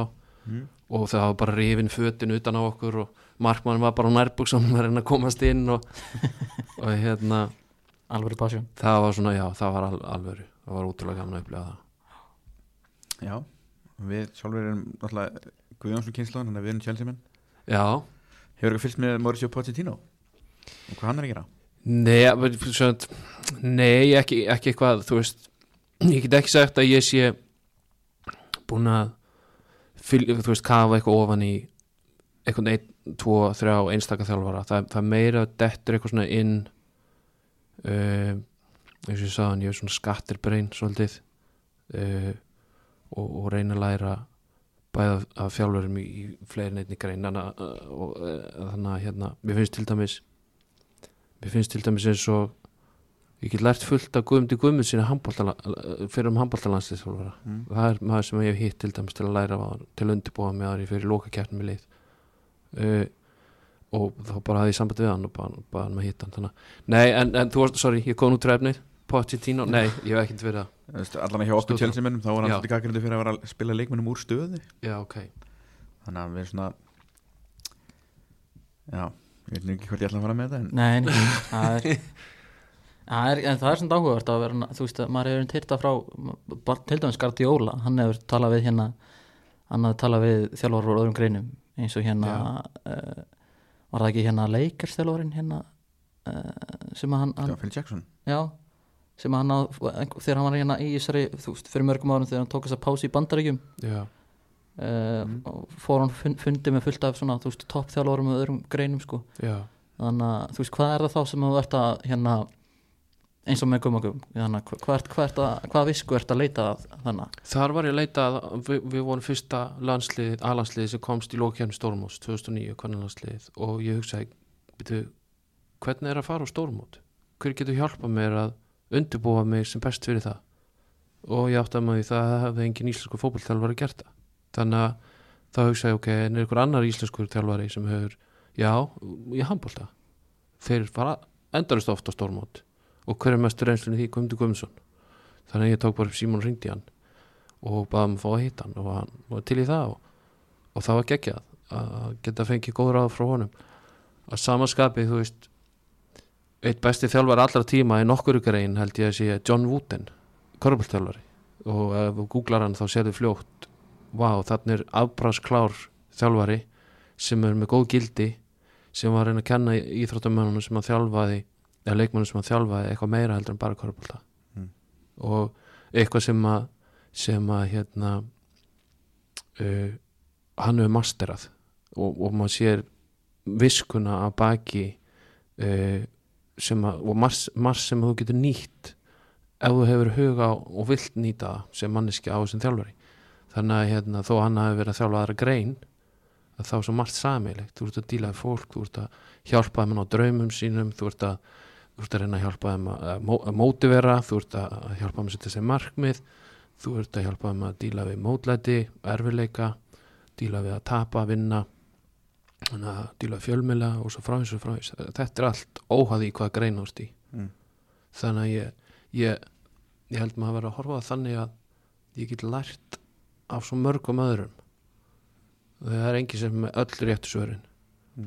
En hann þarf ekkit endilega að vera fótballþjálfari einmitt. Thomas Tuchel gerir það líka. Þegar hann var með Köln ég þekki til þess að Kári Kristján hann var að spila með Vetslar í handbaltanum í Þýskalandi. já, að þeir fóru á æfingu með Köln veist, og bara tóku fótboltæfingu með þeim pröfuðu eina æfingu og öfugt þeir fóru á handbaltæfingu já, þá var þetta eitthvað svona samstarf sem að, sem að Tuchelin vildi, vildi pröfa já, já. þannig að það er, það er svona, já þetta er svona, það er vegna er, er leitað í aðrar íþróttir það er svolítið ég held að það sé sniðut Já, það er alltaf skemmtilegt, ég, ég reynda sko ég hefði eiginlega- meiri áhuga á að sjá hérna Köln uh, hérna fótballstrákuna, sjá hvernig þeir stóðu sig á handbóltæðingu sko. Já, það veri gaman að vi- vita það. Ég, ég spyrir í þetta við tækifæri. Já, nákvæmlega. Hann, er, hann hafa vendalega að vera fótballtæðingu hann ekki bóklega ekki séð það. Já. En uh, já, ef þú fengir að velja eitt fyrir leikmann úr sögu Íslandsmóstis til að koma í þitt lið sem þú var að þjálfa hvern myndur þú velja? Sigurstein Gíslason. Það er hljóð svarað Íslandsmeistari að vera Íslandsmeistari. Já, og bara saknas. Mm. þannig að hérna það væri, það væri best að fá hann tilbaka ef það væri hægt. Því miður ekki hægt. Nei, nei, nei. Ég, ég spilaði með honum og, og kynntist honum uh, líka þegar hann var að byrja að þjálfa og hérna það var að þjálfa með Gunnar Einars sem er, sem er mjög góð vinnu minn. Og hérna ég spilaði með Steina bæði upp á Skaga og í Káar og bara algjör öðlingur og var frábær leikmaður og ég man ekki lengur hvað hann var oft Íslandsmeistari en ég held að sé met og og hérna gerði vídeo um hann hérna í þessu sögulega leik sem að svo svona innan gæsalap, já það var kallað mestarleikur Steinar Gísla mm.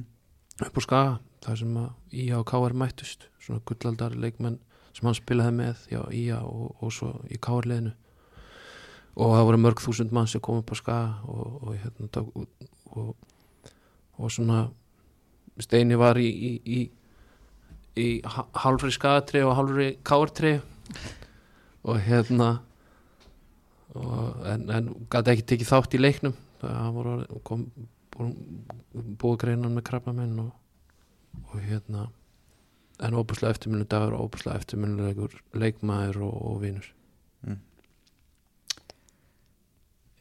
Hver er þá að þínum að efnilegasti knassunum maður landsins?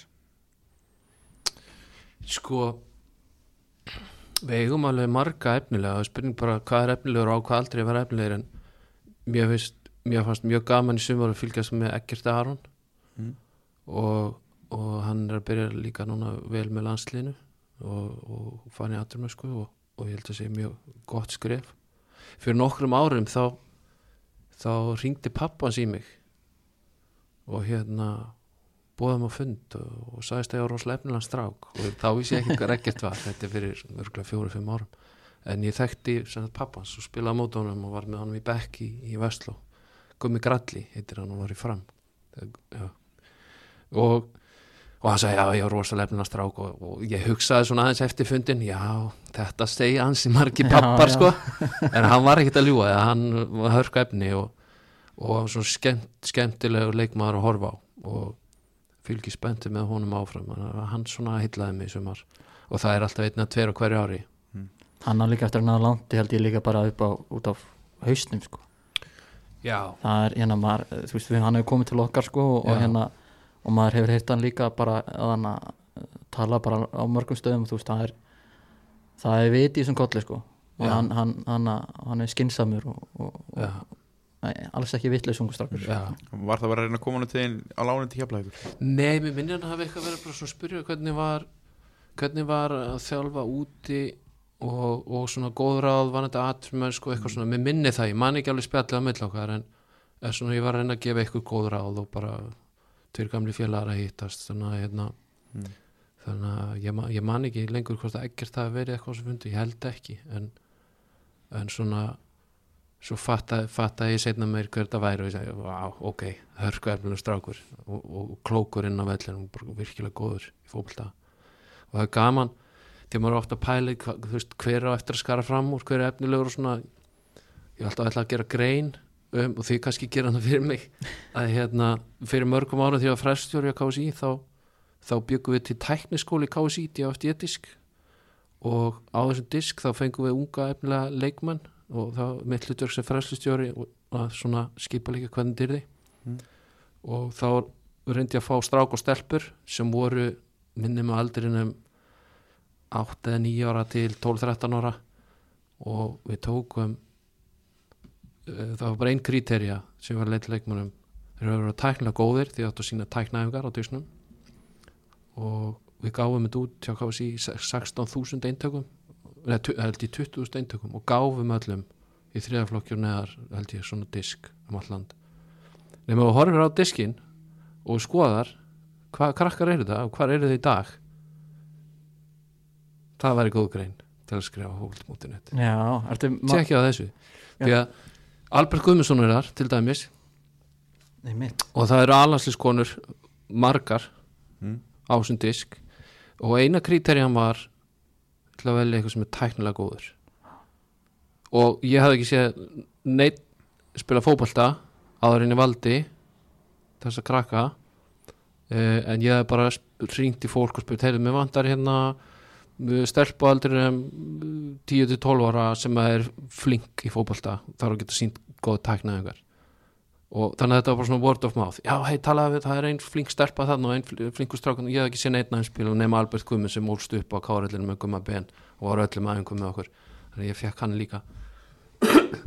Mm. en það var ótrúlega margir á þessum disk orðið aturmenn eða spilaði eftir eild eða orðið- spila með, með landslinu já, þetta er, þetta er pottet mjög áhugaður grein maður þannig að verður að finna þennan disk sko. Hann- Þeir eiga pottið hérna já, alveg pottet sko. já, potið En þá, hver er svona efnilegast knaksmennu konan að þínum að því? ég hef fylst miklu minna með undanferðan ár hvenna megin ég fór samt á landsleikina um daginn að ég horfði á, horfði á, á Íslandsspila við Wales. Mm. og liðið er svona finnst mér í millibils ástandi svolítið.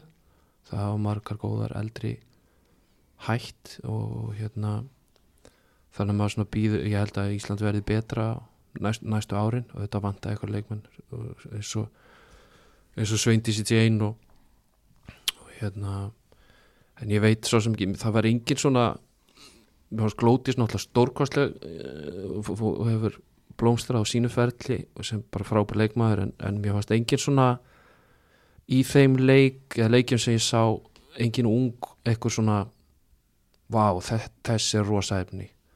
Og, og hérna þannig að það, er, það, það var engin svona ég var alltaf hissað að væri ekki einhver sem að myndi heilla mig meira heldur en var í þessu leikjum en, en kannski hitti ég bara ekki að góða dag hjá, hjá íslenska leginu Já. Hann getur vel Hvað finnst ykkur? Mér veist, ég til dæmis eins og hús sem kannski nýju stílanslinu Sætisson Mér veist hún öflug, ég veist þér bakur í. Já, ég hef verið stjörnunni. Frá síðasta tímbilið og þannig var ég bara fannst mér alltaf gaman að horfa á köllu tryggva já, í þróttu sko. já Já, vonandi, vonandi stíga þessi leikmenn upp og, og það er alltaf voru og skar fram úr en- báðar í U19 núna sem var á, hvað er ekki lokamóti bara í sumar? Já, 19 liðið hefur staðið sem mjög vel þannig að það, það, en ég bara þekki ekki nógu vel til leikmanna þar þannig að ég, ég hérna ekki besti mann til að svara sér spurningu. Nei, en hver er þá svona besti knastmun var frá uppæðu að þínum mæti ja, við erum svona, svona búin að breyta þessi yfir í uppáhalds það sem að Messi er svolítið svona algengt svar. Uh, Besti leikmann frá uppæði Já, þú veist, það er það er örgulega Messi. Það var alltaf Maradona í mínum ögum en hérna ég held maður að vera að segja Messi. Er Maradona þá svona þinn, þinn uppáhalds? Já, hann var minn uppáhalds, já, og Ronaldinho því að þeir voru svona ekstra flinkir og, og, og góðum boltan og gáttu gert það sem vildi við hann og hérna, gerðu bara eitthvað velli sem maður hafi ekki séð já, bara, þú veist alveg uník leikmenn og, og hérna er náttúrulega bara ótrúlega hvað Messi og Ronaldo hafa, hafa náð. Ég man, ég man, ég fór ég var á þjálfaranámskeiði á KSI, fór eitthvað erlendis og við horfðum á yngur 17 ára landsleik milli Portugal og, og ég man ekki hitlið en portugalska liðið var fáránlega gott. Ég held að verið við 17 frekar en við 19, jú, jú, við 17 lið. Og sérstaklega kantmennir hjá Portugal og ég man alltaf eftir að hérna, ég ætla að geima leikskarána svo týndi ég henni en ég held að, að, að kantmaðurinn í 17 hana hafi verið Cristiano Ronaldo Já, að hann var lék sér að mönnum sko. bara sólaði upp úr skónum aftur og snýri við til að sóla aftur og ég hef aldrei séð svona góða Já. leikmann í 17 svo kannski bara hinn kantmaðurinn hann hvað heitir hann aftur hann að Grösma uh, Já. já, já, já, Quaresma. já, þessi tveir hann var líka einhver vinur hans Ronaldo sem að hætti sínu fótbolta sem átti að vera eitthvað svolítið góður sko. Já, ég er búin að gleyma hvað hann heitir það var einhver saga sko af því sem átti að vera betri en Ronaldo sko en síðan meittist Já. hann þetta var fáranlega góða leikmann sko. með geggjaða tækni Já, en mér veist einmitt með Messi eins og segir með, þú veist, uppáhaldsleikminni Ronaldinho og, og Maradona mér hefur alltaf fundist, fundist Messi vera svona eins og, þú veist, vera Messi nei, vera Ronaldinho og Maradona nefnum bara hann svona uh, á meðan Ronaldinho og Maradona, þú veist, þeir náttúrulega eru báðir svona svolítið partygæjar skiluru og, og hann var mjög, mjög gaman að því að vera flottur á velli. Haf- hafði Messi allt það sem þeir höfðu nefnum bara hann, hann var ekki alveg svona hann var svolítið saman með að vera, þú veist vera þessi ógeðsla flottur á velli og var meira svona skilvirkur. Já, og, hann, og bara þú veist fór að skoraði mörkin frekar heldur en kannski að taka eitt flikkflakk og þú veist og, algjörlega samlaður og ég, ég, ég hef tvisvar eða þrísvar farið á leik með Messi. Og, og þá sest maður niður sem þalvar svo, ég ætla að fylgja ég ætla, ég ætla að horfa því lítið á hvað Messi er að gera og, hvernig, þú veist, og, og margir þjálfar sem segja, já, það er að hlaupa og berjast og hérna, þú veist, vinni báðar áttir og allt, allt þetta. Það var ekki Messi í þessu leikjum þegar ég fór á hann. Hann er meistari í standa kýr á bara lappa horfa í kringu sig sjá hvað er veikleikin í hinu liðinu hvar þarf ég að staðsetja mig og hlaupa til að boltan og hvað er plássið? Og hérna, þurfti ekkert mikið að vinna varnarlega. Og svo bara, maður hugsaði bara hvað, hann, hann er bara endalist að lappa og eitthvað, svo fekk hann boltan og pff, 1-0, já, 2-0 3-0 þannig að Já. þú veist þannig að hérna hann við masterað masterað þetta að finna plás uh, og svona bara geggi tækni og fyrstu döðs og leikskilningur. Hann er með allt skilur Mm. skora mörg, spynni tækni, sendingar. Mér minnir, mér minnir að það hafa verið Julian Alvarez sem að hérna uh, sagði að þú veist, þegar hann báði Messi um einhver ráð þá sagði Messi honum hérna bara vertu meira kyrr, ekki hlaupa svo mikið? já, einmitt. Og voru að sjá hvað er kringu þig. Já, og voru að sjá- þú voru að finna plássið. Já, algjörlega. Og þú veist, það er einmitt svona, þú veist, það er einmitt kannski svona uh, einmitt ráð sem að maður, það er, er, beint- maður fær ekki beint mikið upp í upp yngri flokkana. Já, þannig þá ertu, þú veist, þú ert að vera duglegur þú ert að vera, þú veist, vinna varnavinnu og þú veist, þú ert að hérna vera fljótur og þú veist. Já. Þetta er svona, ég, ég, ég las líka um að eins og þegar Messi kom inn í Barcelona liði fyrst þá var Ronaldinho leikmaður hjá Barcelona og tók hann svolítið undir sinn vænga, hvað maður að segja og, og maður sá að þeir fílu mjög vel spila með konum öðrum að hafa gert ótrúlega hluti saman búið til flott mörg og svona en að, að það hefði síðan verið eina ástæðan fyrir að Ronaldinho var að láta fara frá Barcelona að, að hann var orðið svo mikill partíkauður og þeir eru ágjör að Messi færi það með honum sko. einmitt og hérna en maður getur ímyndið sér uppskriftin að frábæra leikmanni er ok, hann, hann er efnilegur og kemst snemma í liði í mestarlöki sjáðu, sjáðu eins og kvennamenn með Sörubjörg uh, hérna komin held ég 16 ára í annarslið að þú, þú far snemma tækifæri og, og, og þú far að spila aftur og aftur og aftur þó gerir mistök sem ungu leikmæður og þú ert í, það er einhverju góði leikmenn í kringu þig sem hjálpa þér líka og gera þér betri og segja til og svo fræðis og þá hefur svo langan tíma til að spila ár eftir ár eftir ár eftir ár. Og þetta þarftu framúrskarandi eiginleika líka allt þetta var til staðar komin í frábært lið e, með geggja leikmann fær ungur að spila og kannski líka bara alveg nóg góði til þess. Mm. fílíku leikmaður. En þetta er svona uppskriftin að, að og líka þetta með bestu þjálfarna líka. Þannig, og, og, og þeir eru bæti því við sem held ég bæði Messi og, og Ronaldo eru með að þeir æfa og æfa og hugsa vel um sig skilur og eru skilvirkir uh, hérna erum að lesa um hvernig aðrir leik með Lisa eins og Ronaldo hvað hann æfir og hugsa vel um sig og er bara dedicated í að vera þeir keppaði sjálfan sig í raun og veru. Þeir heldur sér ekki mikið að keppa aðra keppa við að vera best útkána sjálfur sér. Og það segir Michael Jordan líka um þegar hann lýsir sjálfum sér sem, sem íþróttamanni. Ég var alltaf að keppa sjálfa mig. Hva, Mm. vera best útgáðan sjálfum mér. Því að hínu voru bara ekki nóg góðir. Þeir náðu ekki að matcha það. Einmitt að þá, þá held ég að geta náðu í allra allra fremsturöðu að hafa þetta dedication og hæfileika.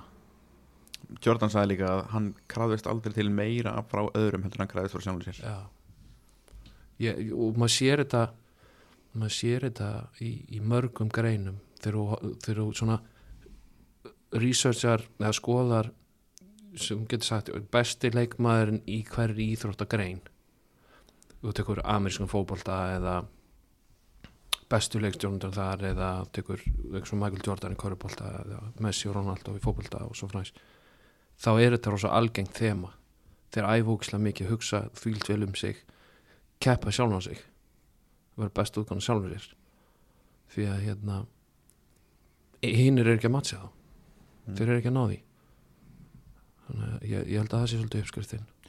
Mér líka finn, fyndi sagði hann með þannig að með landslið við munið til því þannig að þegar að, þannig að hann var byrjaður að mæta sem sagt, þannig á hótelinu þú veist klukkan fimm eða fjögur eða eitthvað þú veist til þess að mæta í ræktina. Hann var alltaf einn. Svo tóku þannig að þú veist hann var ekkert eitthvað að íta eftir hinnum að koma með sér en svo tóku hinnir eftir hvað þú veist Kobe er alltaf að gera miklu meira en við. Við þurfum að reyna að matcha hann eitthvað þú veist. Og þá byrjuðu leikmenn að, að, mæta fyrir og fyrir og fyrir hérna í, í ræktuna morgnana og þannig að en það gæti samt enginn matcha Kobe, hann var alltaf, samt, samt, alltaf mæti fyrstur.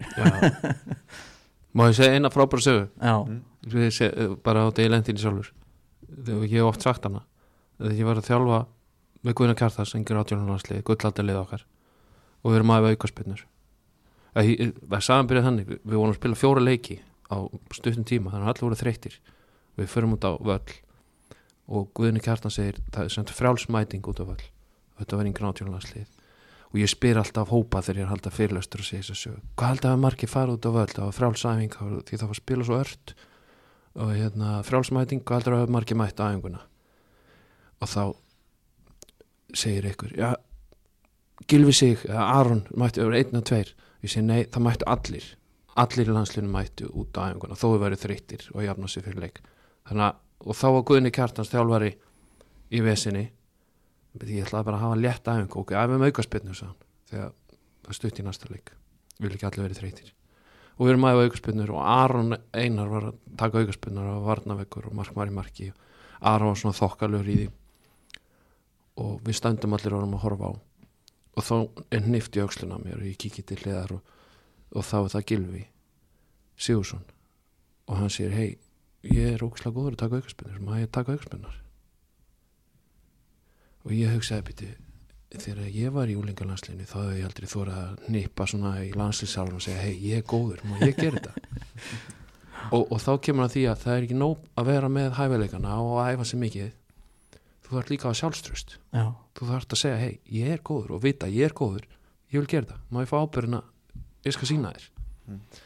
og ég segi svona Guðna, já, mjög ástað flott hjá hann og ég segi, Guðni, ég segi Guðna má Gilvi prófa að taka aukarspinnur hann er búin að hefa sig og segja störa góður já, ekkert mál gott og hérna, Gilvi setur boltan og tekur svona tíu aukarspinnur, ég held að hann skora 6, 7, 8 mörg það var geggjaður aukarspinnur ég hef hekkin upp í samskiptin og það voru vandraðið hvað hann skoraði mikið. Og, og það eru strákar í kringum í liðinu sem segja, já, hann er bara, þetta er besta aukarspinnur sem ég séð, sko. Og, og og Guðni segir bara svona, já, heyrðu Gilvið, þú tekur svo bara aukarspunnar leikjónum hér eftir, fór allir bara að hlæja það var svo fárlega góður í þessu. Já, já. og þess vegna þarf maður líka að hafa sjálfströst ekki bara að æfa sig aukala en, og ég hef oft sagt þess að sögu við leikmann líka hvað eru margir sem æfa aukala eftir æfingu, eru lengur að æfa sig? Það eru óbáslega fáir í gegnum tíðan, óbáslega fáir. Af hverju út að það er leðilegt, það er erfitt það er, að heyrðu, ég þarf að fara eitthvað, ég er að drífa mig eftir æfingu en Gilvi gerða alltaf. Og talaði við fólki sem var að vinna með landslíðunum rútan þurfti ofta að býða eftir Gilva því að hann var aðeins aukarspinnur allir leikmennu konir upp í rútu en hann var aðeins aukarspinnur og þegar hann var að æfa sig kortir aukalega ég kallt að töfra kortirið þá var hann alltaf að æfa spinnur og í hverju er hann betur en allir er spinnum einmitt. Þannig að óbúrslega mikið að dæmum þannig sem getur sagt við leikmenn. Viltu vera jafn góður Gilvi Sjórsson ertu tilbúin að æfa aukalega ertu með sama sjálfströst þú veist mér finnst það bara geggjudæmis að fyrir fyrir hérna klálega unga leikmenn í dag. Já, ég, þegar ég var yngri þá var ég oft í bara fótbolta út á skóla og svona og yfirleitt þegar maður svona var að byggja um að koma svona á, í, á kvöldin koma svona, hittast eitthvað eftir og fara, fara í fótbolta og svona sem maður spurði fótboltastrákana það var mjög margir sem voru þá svona aðlið eitthvað svona þú veist, sem að voru ekki til í þetta en það var svona einn leikmaður sem var alltaf til í þetta og kom oft með okkur.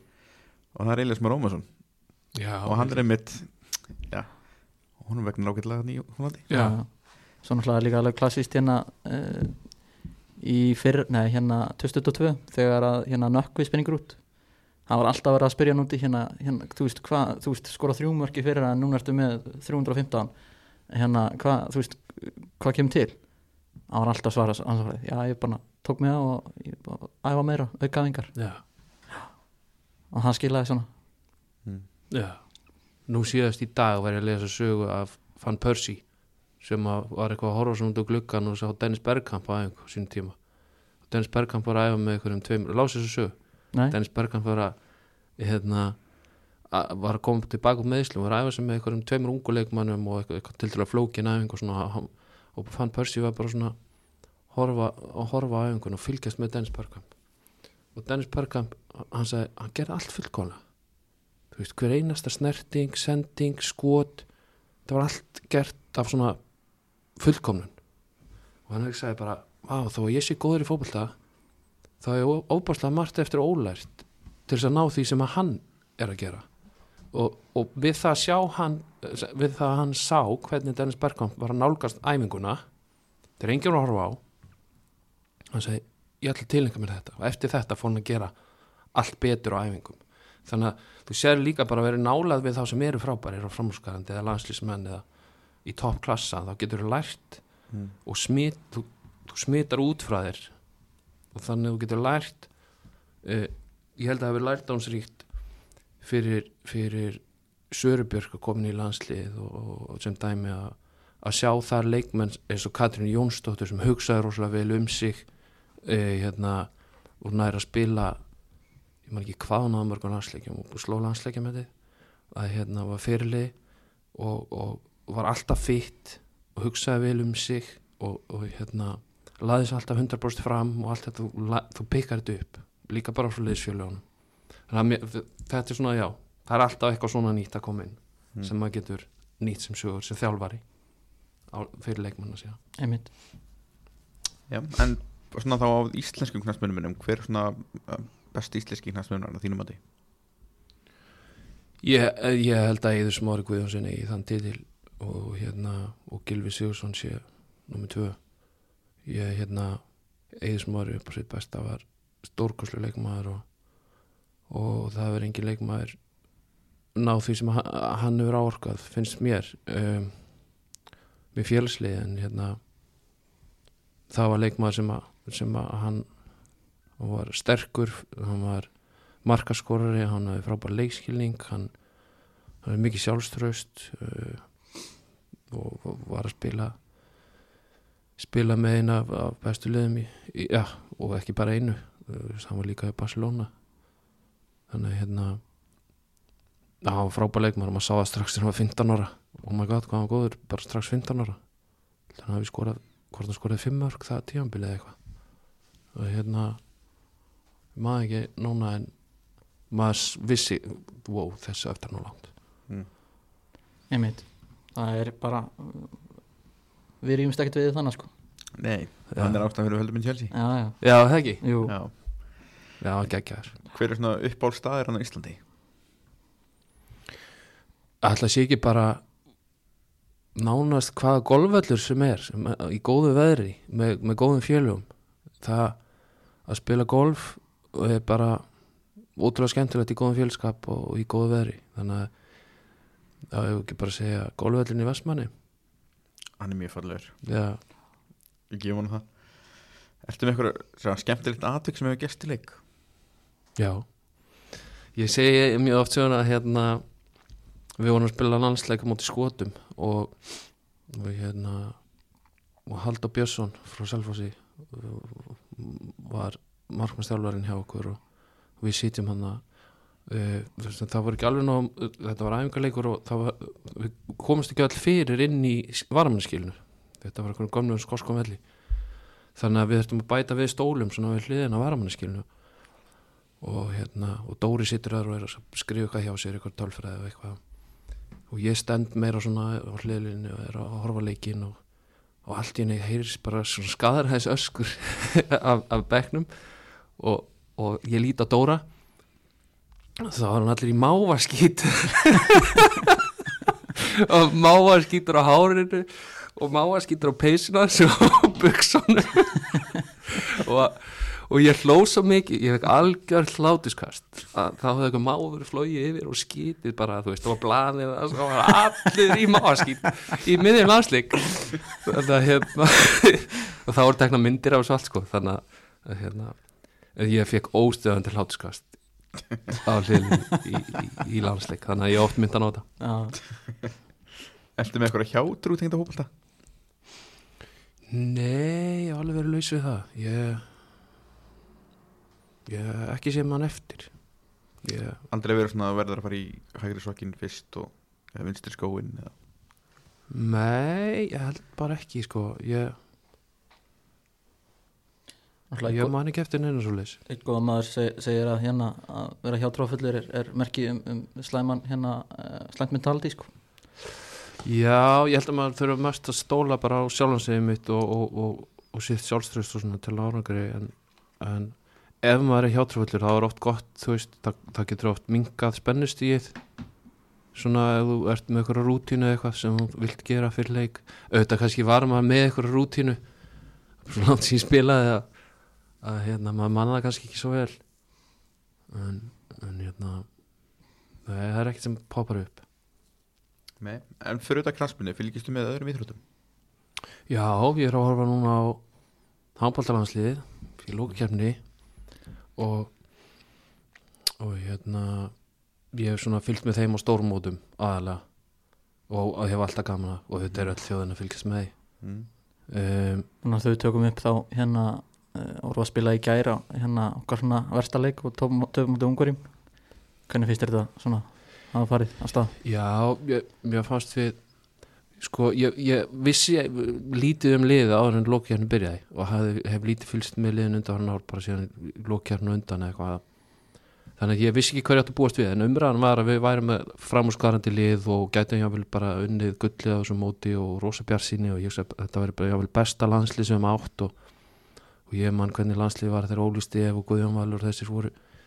Þá vissi ég bara, vá, við hljóttum með þvílitt lið og, og þannig ég fór mig í bjarsýna að horfa liðið og, og svona í fyrsta leiknum þá náðum við að bjarga okkur fyrir hotn alveg í, í restina. Mm. en en svona voru mér markvæslan góð í þeim leik og, og varnarleikun ágætur hafa lítið skorað. Uh, en svona já, en síðan á mótinu þá hefur sóknarleikurinn ekki verið alveg nóg góður, klárlega. Og Það er þetta, það er þetta svona að skjóta fram hjá markmann ekki í hann. Já, en o- oft á þessum stórmótum þá höfum við hyggsta svona á þessum tíma og svo, þá verður öll þjóðin brjálu sko og pressan kemur á leikmenna og þeir rífa þessu upp í næsta leik. Þannig að ég er alveg bjart síðan á næsta leik. Mm. en það er víst á móti Þískalandi þegar ekki? Jú, Alfred Gísla. og, Já, já, og þar mætu við mjög reyndum þjálfara og hérna frábærum þjálfara sem að sem en, en ég heyrði fyrir móti að Þískaland væri ekki alveg eins sterkir og eru, eru vennilega þannig að maður, maður hérna maður verður bara hæfilega bjart síðan en Mm. það er alltaf gaman að fylgjast með hafnallanum Mér minnist bara ég held ég að vera HM 2007 held ég það töpuðu fyrir Úkraníu mitt og í leiknum eftir þá rústuðu við frökkum með einhverjum áttamörkum. Já, já, einmitt í og mætti hefur alltaf verið svona sveiflur. þegar, þegar svona stærsti skellinu kemur það hefur yfirleitt alltaf komið svona bara gott mótsvar út frá því. Já. Þannig að það vonandi heldur bara ég, mér finnst íslenska mentalitíð vera svolítið svoleiðis að e, ef við eigum lélan leik þá fara allir í naflaskoðun og, og svona býti skjaldarendur eða hvað sem er koma, koma öflurinn næst vilja sanna, sína og sanna heyrðu, þú veist, ég er betri en þetta. Ég átti oft dag, ég ætla að sína núna að ég sé betri og ég held við gerum það. Já, vonandi.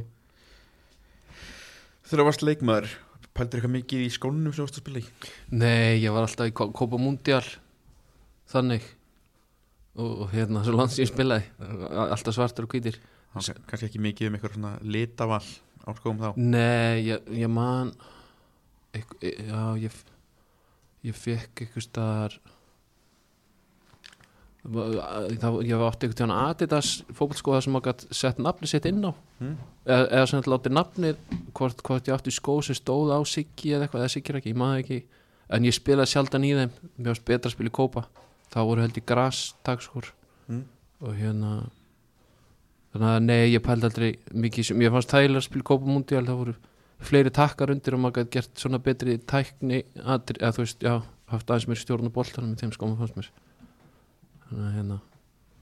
Maður veit að allan að þú veist svona hérna áður fyrir allan að svona meira þá var þetta svolítið svona bara eftir í bara hvað samning félagin voru með hvernig takkaskóm leikmennu voru í?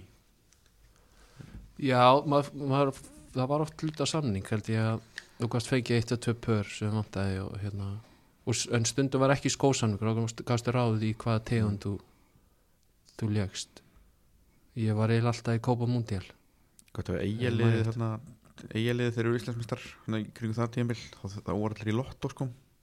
Já, já þeir voru öflugir á tíðanbili lottóumbúðið, við vorum Já. með Ía Ía var með, með lottó og gott að Siggi Jóns var ekki eitthvað tengdur, tengdur lottó þá umbúðinu, ekki? Mér skildist að það hafi verið þá einmitt bara að þeir hefðu þurft að spila í þessu. Þurft að spila í veist, þessu merki. Já, ég skil. Ég, ég man ekki eftir að hafa verið skildaður til þess að vera í einhverjum ákveðnum tegund og skóm. En það er bara langt síðan að ég, ég er bara ekki viss. En svona þá bara að, að í skóla þú veist, varstu, í hverju varstu liður í skóla? Herðu, ég var ekkert spes í efnafræði nei og og síðan í líffærafræði í hérna, ég, ég fór í Íþróttkennarskólan Mm. lögatni og það var prófið líffærafræði. Og það var svona fyrir svona að vita að það er erfiðast að fæða í skólanum. Og maður þurfti að lesa því mikið fyrir það.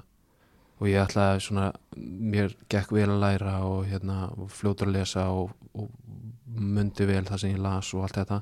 Og ég hugsaði að ég bara tek góðan slurk hérna síðustu helgina fyrir prófið. Það var ekki góð mynd sérstaklega kom það kom svo gott veður líka þá helgi okkur að þá helgi að ég svona las ekki nóg vel fyrir prófið og hérna fór í prófið, fannst mér ganga samt alveg ágætlega. Og ég sagði svona, já, ég, ég gæti alveg að hafa náðu 5 hérna. En ég fekk einhverna 2,5 þannig að og ég skráði með endurtæningapróf en áður en kom endurtæningaprófunu þá bauðst mér að fara í skóla til bandaríkjana mm. þannig að hérna tók allir endurtökuprófið. Þannig að hérna ég þurfti að taka þetta fag upp nýtt í bandaríkjanum Já, fekk það ekki með því.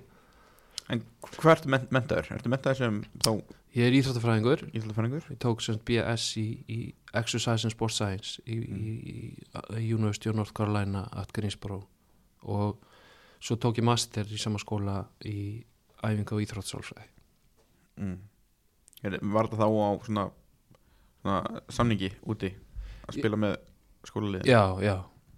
Ég var á einhver leiknisvellinum með Viking uh, vorum að spila næstu eftir telt og þetta var um vetur og kalt og eitthvað. Þá, þá ringi síminn og ég svara og þá var það Himmi Björns sem ég hafði spilað með í Káir sem er hérna í fjölmjöla búin að vera mikið í fjölmjöla geranum og, eða dagsgerð og annað og hérna og leikmaður mestur okkur Káir og hann, hann spurði mig Þetta skir ekki? Já, já, blessar, ég frétt að vera aðingu hérna væru til í að, að fara í skóla til bandaríkjana að spila hérna skólastyrk?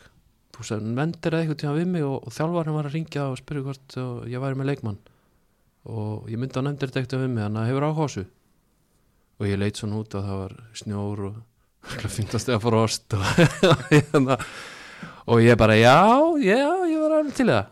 Og svo þannig var það, ég fór í skóla til bandaríkjana Var eitthvað betra við hann í Norskálana? Já, það var aðeins betra sko. Það var gegg, geggju upplifun að, að fara þangað og, og ég kemst í raun og aðurmennsku út af það að hafa spilað vel í bandaríkjónum og þar var ennskur umbósmaður sem sá mig spila og sem að, sem að borgaði flugi fyrir mig til Volsal og Træjal Mm. þannig, þannig kom þetta til Já. Er, Ertu með eitthvað vandarætt augnablik svona á ferðlunum? Nei, eflust myndum bara betra svaraði sem hafa henni í kringum mig sko. Ég hef stundum utaði mig og hérna þannig að potið hef ég eitthvað tíman vist og, og fjölskylda minn segja það líka og vinir að stundum eh, stundum er ég eins og í einhverjum öðrum hugarheimi sko með þeir segja eitthvað við mig og svo fatt er að ég hef ekki heyrt það sem það var sagt. En hérna Nei, man ekki eftir eitthvað sem ég hef gert með algjör fíbli eða, eitthvað þannig en, en hérna potið þegar þú myndir spyrja ykkur aðra þá kemur með eitthvað sögur sko. Já. Hvað þrjá, þrjá leikmenn eða þjálfara tækjur með það í þegju af hverju? Heyrðu, þetta er fráspurning ég hugsa að myndi taka Gunnar Einars vinn minn, sem ég spilaði með í káir bara við erum bestu vinnir og hann er skemmtilegur. Þannig að maður þarf að hafa eitthvað félagskapana þannig að ætli að hann er ekki fyrstur. Um,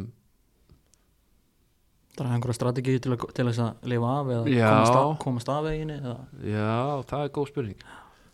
Það þarf að vera Þetta er frábær spurning Ég var ekki búin að íkvað þetta neitt. Um, Við erum Ma- ekki ma- a- alls konar strategíur í þessu. Já, maður myndi, maður myndi vilja hafa eitthvað til að stýta manni stundir og eitthvað til að koma manni burt af einu væntalega þannig að það þurfti að vera eitthvað sem að væri, væri klókur og úrræði góður og hérna væri hægt að treysta á.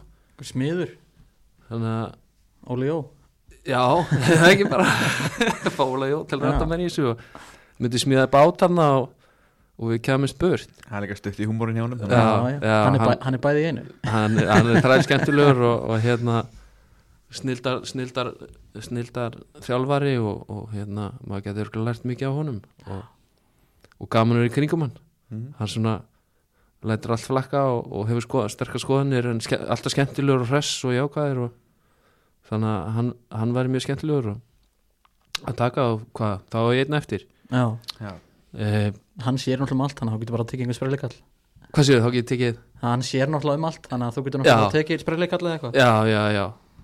Og það, það er hérna það eru það eru marga góða menn að velja en, en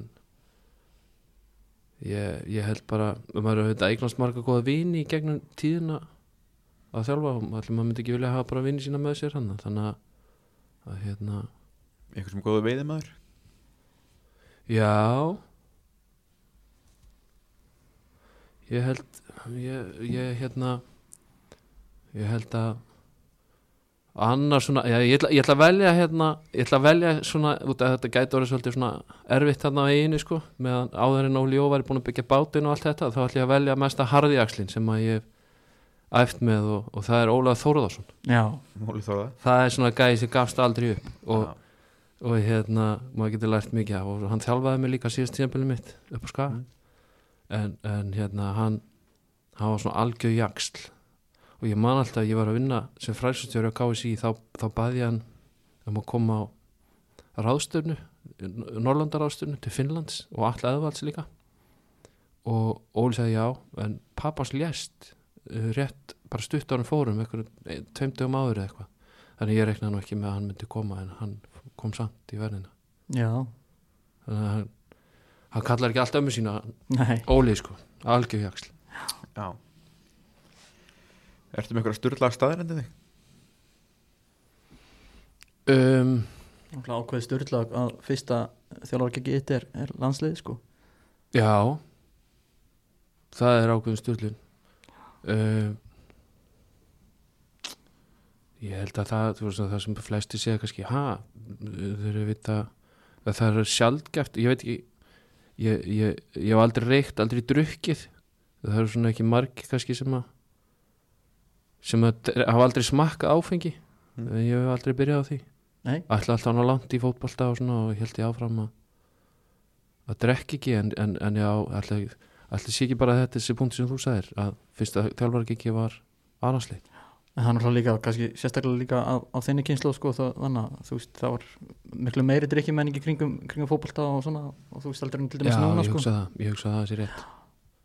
Þannig að það er óvönilegt svona. Já, stjórnlu staðreind, já, Mm. vinna gæðslafa Hvaða leikmar hefur komið svona mest óvart eftir hún kynntist þessum? á jákvæðan að neikvæðan átt Já Bara, bara hvort tvekja þessuna? Um, ég þyrfti aðeins að leggja höfu bleitið þarna líka ég, hérna ég held svona með flesta sem maður kynnist í fótballtanum maður, maður mynda sér ofta ykkur ákvæmna skoðun en svo þegar maður kynnist fólkinu betur og sér hvernig það er þá oft einmitt átta með að sjá að maður hafði rámt fyrir sér þegar maður var með eitthvað sleggjudóma um eitthvað sko Mm. og, og hérna og, og langflest fólk sem að vinna með og, og er í kringum er, er mjög gott fólk og, og hefur sína kosti en þetta hafa allir líka eitthvað að galla Mm. um, svona, ég, ég held til dæmis að, að eins og með Steina Gíslátt að nefndum hann áðan þá held ég að hann væri svona algjör svona harðiaksl og, og svona allt verið típan hann, hann var mjög svona líbó gæi sko. Þægilegur að tala við og, og, og, og, og góðu vinnur og, og hérna. Og hann hefði svo auðvitað geta verið gæi sem að ringdi upp í nefið á skiluru þegar hann var með alla þessi Íslandsmeistara titla og hérna var í gullaldalegi skaman og, og svo hann líka titlanum með KR og, og hérna en það var ekki til í honum sko. Neitt sem hétti að vera montin eða eða hérna yfir aðra hafin eða, eða neitt sko og bara tala af allir svo jafningja og bara ma maður kynir stundur svona fólki sem að maður getur lært óbúslega mikið af Mm. og hérna hann er klárlega einn af þeim Já um, Svona þá að bara þegar þú ert að þjálfa og svona Hvað finnst þið skemmtilegast að drilla á æfingu? Mér finnst skemmtilegast uh, að drilla uppspil uh, í sóknuleik og hérna eða taktík það getur líka verið gaman varnalega og hérna bara svona móta hvernig liði spilar út á vellinum og, og segja leikmennu til þar og gefa þeim uh, uppspilsleir og möguleika og hvernig best að hrefa sig þegar boltin á ákveðnum svæðum gefa leikmennu hugmyndir uh, og, og já, fá menn til að vinna saman þetta er svona það sem finnst sannlega skemmtilegast að drilla Mm. ég hugsa það. En hvað finnst þið svona leiðilegast að drilla? það er þá eitthvað sem er svona þú veist það er svo först leikadri það er endurtegning, endurtegning, endurtegning uh, eða uppbytun er svona leiðilegast í hluti æfingarnar í, dag er oft konir fitnessjálfara sem sjá um uppbytunna Mm. Og gera það vel og hafa mikið áhuga á því þannig ég held að það sé mikil bæting og það sé, Mhm. það sé gott fyrir fólklan að fá sérfræðinga þar inn og sem eru mjög færir í, í, í þessu í uppbytun og niðurlægi og, og aukaæfingum og, styr, og styrtaræfingum og svo fræðis uh, en þe- þetta er kannski svona leðilegst til hlutin Mm. að þjálfa Ef þú fengir eina spurning til að spyrja hvert sem er hver er, hver er þið spurningin og hvern myndur þú spyrja? uh, spurningin já ætli ég myndi ekki spurja eitthvað uh, hvar finn ég næsta þjálfarastarf? Það er spurningi sem að sem að hérna liggur dýfst hjá mig núna en ég veit ekki alveg hvernig ég ætti að spurja að því, hver væri með svarið. Mm. þannig að hérna ég, ég segi bara ég spyr spurningarinnar en, en, Spyr- en það er kannski eitthvað þann úti að hlusta sem að er með svarið. Já, Já, við, við, við byggjum hlustendur um að koma með svar. Það var bara saman Já, já, en svona þá kannski bara aðeins út, út í ferilinn bara sem leikmaður, leggur skóna heiluna ekki 32 já, það er þá, já eft- eftir því sem ég ætla að gæt svona flett upp, svona út frá meðslum já, það passar. Ég, ég enda á að slíta crossband á vinstra hnið og það var síðustu æfingu eftir síðast tímabælu mitt 2005 og við, það var svona ungi, ungir á móti gömlum og lítið hitað upp því að mótið var búið mm. þetta er bara svona síðast æfingin. Og ég fæ stungusendingu í gegn og sprett upp öllin Þorður Þóruðarsson markmaður kemur út á móti og hendi sér fyrir bollin ég þarf svona eitthvað að tegja mig í hann og ég fæ ofrétt á nýjað og slít crossband. Og Óli Þóruðar kom askvaðandi þjálfari. Og ég bara þetta var veist, ég fann bara nýjað mér var fast og Óli kom ég skal bara kippa því, ég skal bara rétt úr því. Ég bara nei, Óli, nei, nei. Og hann var að drepa sko. Nei, ekki koma við það. Þetta er ekkert mál. Ég get alveg rétt úr Æ, hérna, þetta var endur á ferlinum.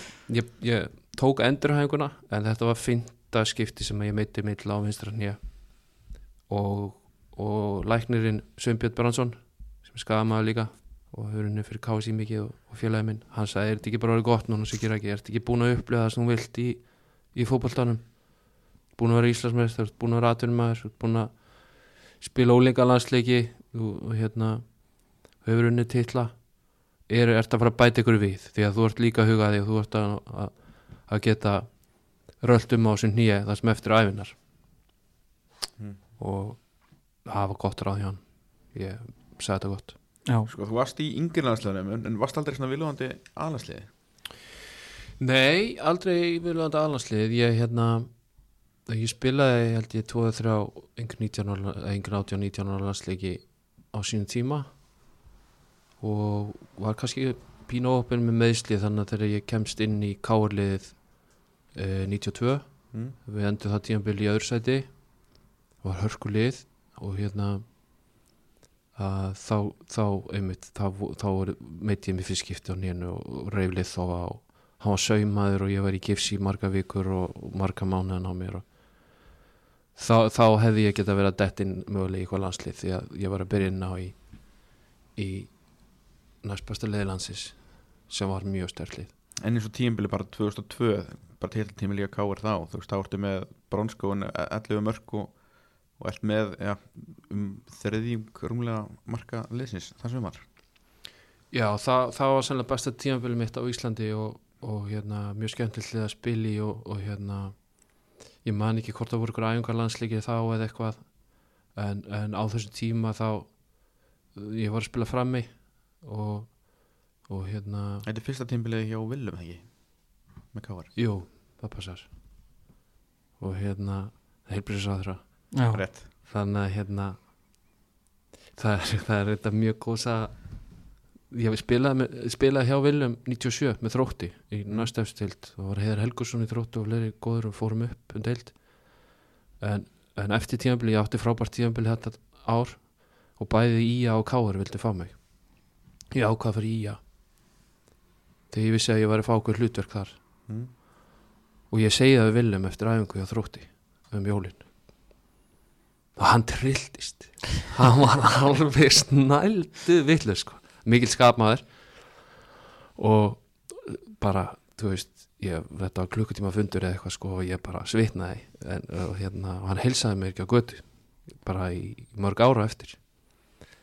Svo þegar ég flutti heim úr aturmösku þá ringdi Kristi Kennestedt strumpurinn þessi, hérna, sem var for, formar knarsmyndeldar held ég á KR þannig á þessu tíma ringir í mig og, og ég spilaði með honum í KR yngur lókum Sigir ekki, Kitty Kern hérna, blessaður. Og ég, ég, já, blessaður. Já, ég var að tala við Willum og við viljum endilega fá því káir og þetta er fyrir tímabili 2022 og ég, ég bara nei, hann vil ekki fá mig káir hann vil ekki heilsa mér á götti nokkur ár. Og hérna, já, hvað segir og ég sagði hann allir söguna og hann sagði, já, þú eru að koma í káir samt ég sagði, ég skal koma í káir ef Willum ringir í mig sjálfur og segir hann vilja fá mig í káir þá skal ég koma í káir og Willum ringdi og ég fór í káir og við erum íslumestrar Þú ert að byrja lengi eftir símtalinu? Nei, hann ringdi og bara sagði þetta er þetta bara búið og ég var ósáttur og fóst úr þrótti. Því að þeir þróttur voru að fara upp í efstu deild og var geðið tíambil hjá, hjá liðinu og, og þetta missa mig, ég stóð mér mjög vel og mm. Ég skila betur núna þetta ég er þjálfar í dag og maður er alltaf svektur að missa góða leikmenn en það gerir stundum. Mm. og hann var bara mikil kefnismæður og, og var frábæð þjálfari líka. Og hann fullt að tilum einmitt. Fer náttúrulega í KR og ert þar í þrjú sumur ekki? 2002, Já. 3, 4 Já, passar. Fer síðan í IA þar sem að tekur eitt sumar þar og, Já, og síðan fara skóldunni upp í hillu. Og þjálfara fyrirlin tekur við. Já það var þannig Við erum meistara líka 2003 mm. með, með KR, þannig að bæði 2002, 2003 2004 var ekki skott tíðanbill og þá var ég svona dottin aftur en Arnar og Bjarki voru komnir hann Garðar Jó Vega Páll var hann ég man ekki hvað hann fór út. Ef við vorum með hörkulið 2023 og, og já, ég fór og spilaði hann síðast tíðanbilli upp á skaga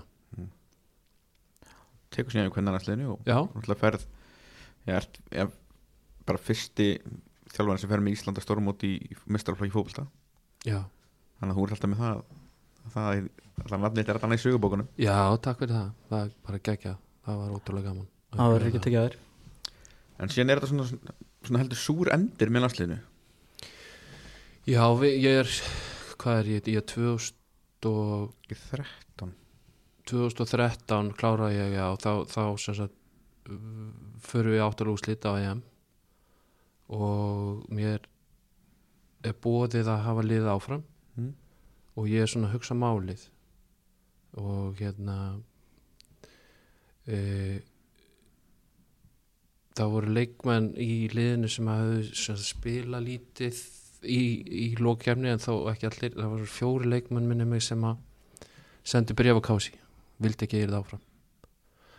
En, en Þórir sem var fræðistjóri á þessum tíma sagði ég er ekki að vera hlustan eftir það. Leikmenn mun aldrei stjórna hverju þjálfari liðsins, þú veist aðeins mjög vel með liðið þegar þú vilt vera áfram liðið þá býstu þér áfram að vera með liðið en ég var svo að hugsa málið á þessum tíma að fara að þjálfa félagslið. Þannig að ég fór í sumafri, minni mig í viku eitthvað erlendis með fjölskyldinu og var svona að hugsa málið á meðan. Og þá svona þú veist já það enda á leðilegan hátt Mm. ég, ég hefði ekki viljað enda það svona en ég var líka bara kannski ungur og, og reynslulaus eða reynslu lítill sem þjálfari að, að svona leðilt að skilja við í leðindum Mm. og ég var svektur að þetta endaði svona Mm. en ég held samt að það hafi rétt ákvörðun að hætta með liðið þetta var komin drúu tími 6-7 ár og hérna já þannig að- að svona alveg skoðanir einhver leikmanna sem að vildi ekki hafa mig áfram og svo eflust einhver sem vildi hafa mig áfram það er svo gengur en en hérna við þarfum að gera alltaf það sem er rétt fyrir mig Mm. og, og ákvaða að fara að þjálfa að kalla megin tók við IPVF hann er eitthvað lendi í útistöðum við þessum hérna, þú veist, þessum sem sendur brefið eitthvað áður eða kom þér þetta óvart um, já, það komur óvart að skrifa bref uh, og ég fikk aldrei að sjá brefið sem var sendt en hérna en, það voru hvort þetta var uh, ég ætla ekki að vera að telja upp nöfnin en alveg getið flettið upp eð, þið viljið en hérna en ég, ég bara þetta er það langt síðan og ég hef ekki leitt þessu hugan í, í fjöldamörg ár en, en hérna þetta voru leikmenn sem að eflust voru ósáttir hefði viljað spila meira eða fannst ég ekki nógu að þjálfari eða væri betra fyrir liða að skipta þjálfara eða hvað, mismönd ástæður, ég veit það ekki en hérna um, ég hefði líka átt að vera þannig að kannski búin að ákveða mig bara um leið að móti væri búið og segja bara, heyrðu ég er hættur uh, hérna, en maður verður alltaf vitur eftir á. Ég var heldur ekki vitur ég hugsaði þetta líka með núna Keflæk eftir 2022 þegar liðið kom upp í sjö, sem er best árangur liðsins í 12 ár. Og, og það fara 16 leikmenn af 24 sem er 67% af liðinu. Já, þá hefði ég bara átt að segja heyri, ég er líka farin já, þannig að hérna maður er oft vitur eftir á Já, þannig svona eftir að hyggja þá svona hef, hefði kannski endurstöðun átt að vera þar. Já, uh, það finnst mér. Já, og einmitt hérna kannski svo- svolítið kannski í kringum þetta kjaplækulið þú veist að fara allir hana hver, hver var ástæðan fyrir það voru allir að fara? Það er spurning sem þú þarfst að spyrja stjórnina og hérna sko, ég vildi hafa þessi leikmann alltaf áfram Mm. en það er auðvitað ekki alltaf hægt. Ég skil sömt uh, Rúnar Þór fór í aturmösku ég skil það. Mm. uh, að leikmenn vilja taka skriðu og fara í aturmösku líka frá bestu liðanum á Íslandi þá fara leikmenn ellendis og fara í aturmösku og, og þeir eru ekki stoppaðir af og það var aldrei allir nokkur að stoppa af eins og svolítið stæmi ykkur er farið í betri lið ykkur voru seldir Patrik Jónsson var seldur á 11 miljónur sem er hæsta sem að lið innanlands hefur keift leikmann á frá lið innanlands. Og erfitt fyrir keflaug að segja nei við því og, og kannski erfitt að stoppa Patrik sem að frápa leikmaður og vil það sé mjög ykkur hvort hann með 17 mörg í 25 leikjum fyrir keflaug eða eitthvað, þú veist það var eitthvað rugl. Og hérna og hann til að sjá hann næst tímbili Já, hann, hann, hann kom ókipis og, og Adam Páls í skil þú veist, uh, hann, hann var á láni hjá okkur frá Víkinga í maður rétt og, og er seldur síðan yfir í val. Ég man ekki alveg hvernig það var en hérna um, eh, en já, það voru leikmaður sem mistum Ívan, Ívan Kaljúsni sem var á miðtíðanbils frábær erlendi leikmaður sem við fengum bara eitt svo besti sem spilaði en held ég að hann fór og spilaði á herra level Erlendis, hann, var bara láni hjá okkur frá Alexandria og í Spyr- Ukrænu já, spurðum Sindra Kristinn út í það hann kom Já. til okkar hérna uh, spurðum hann út í þú veist hvort að það hefði verið erfitt að fara frá Keflavík þú veist eða auðveldara það, af því það voru allir að fara já, og hann sagði það og það var hlutur, hluti af ástæðinu fyrir því hann fór er að það fór allir já, og þá var það þú veist þá var bara hluti þú veist ok ég að vera hérna í, í þú veist innan Já. gesalappa umöluðu liði það sem allir eru farnir já. eða ég fara í, Já. FH sko F.A.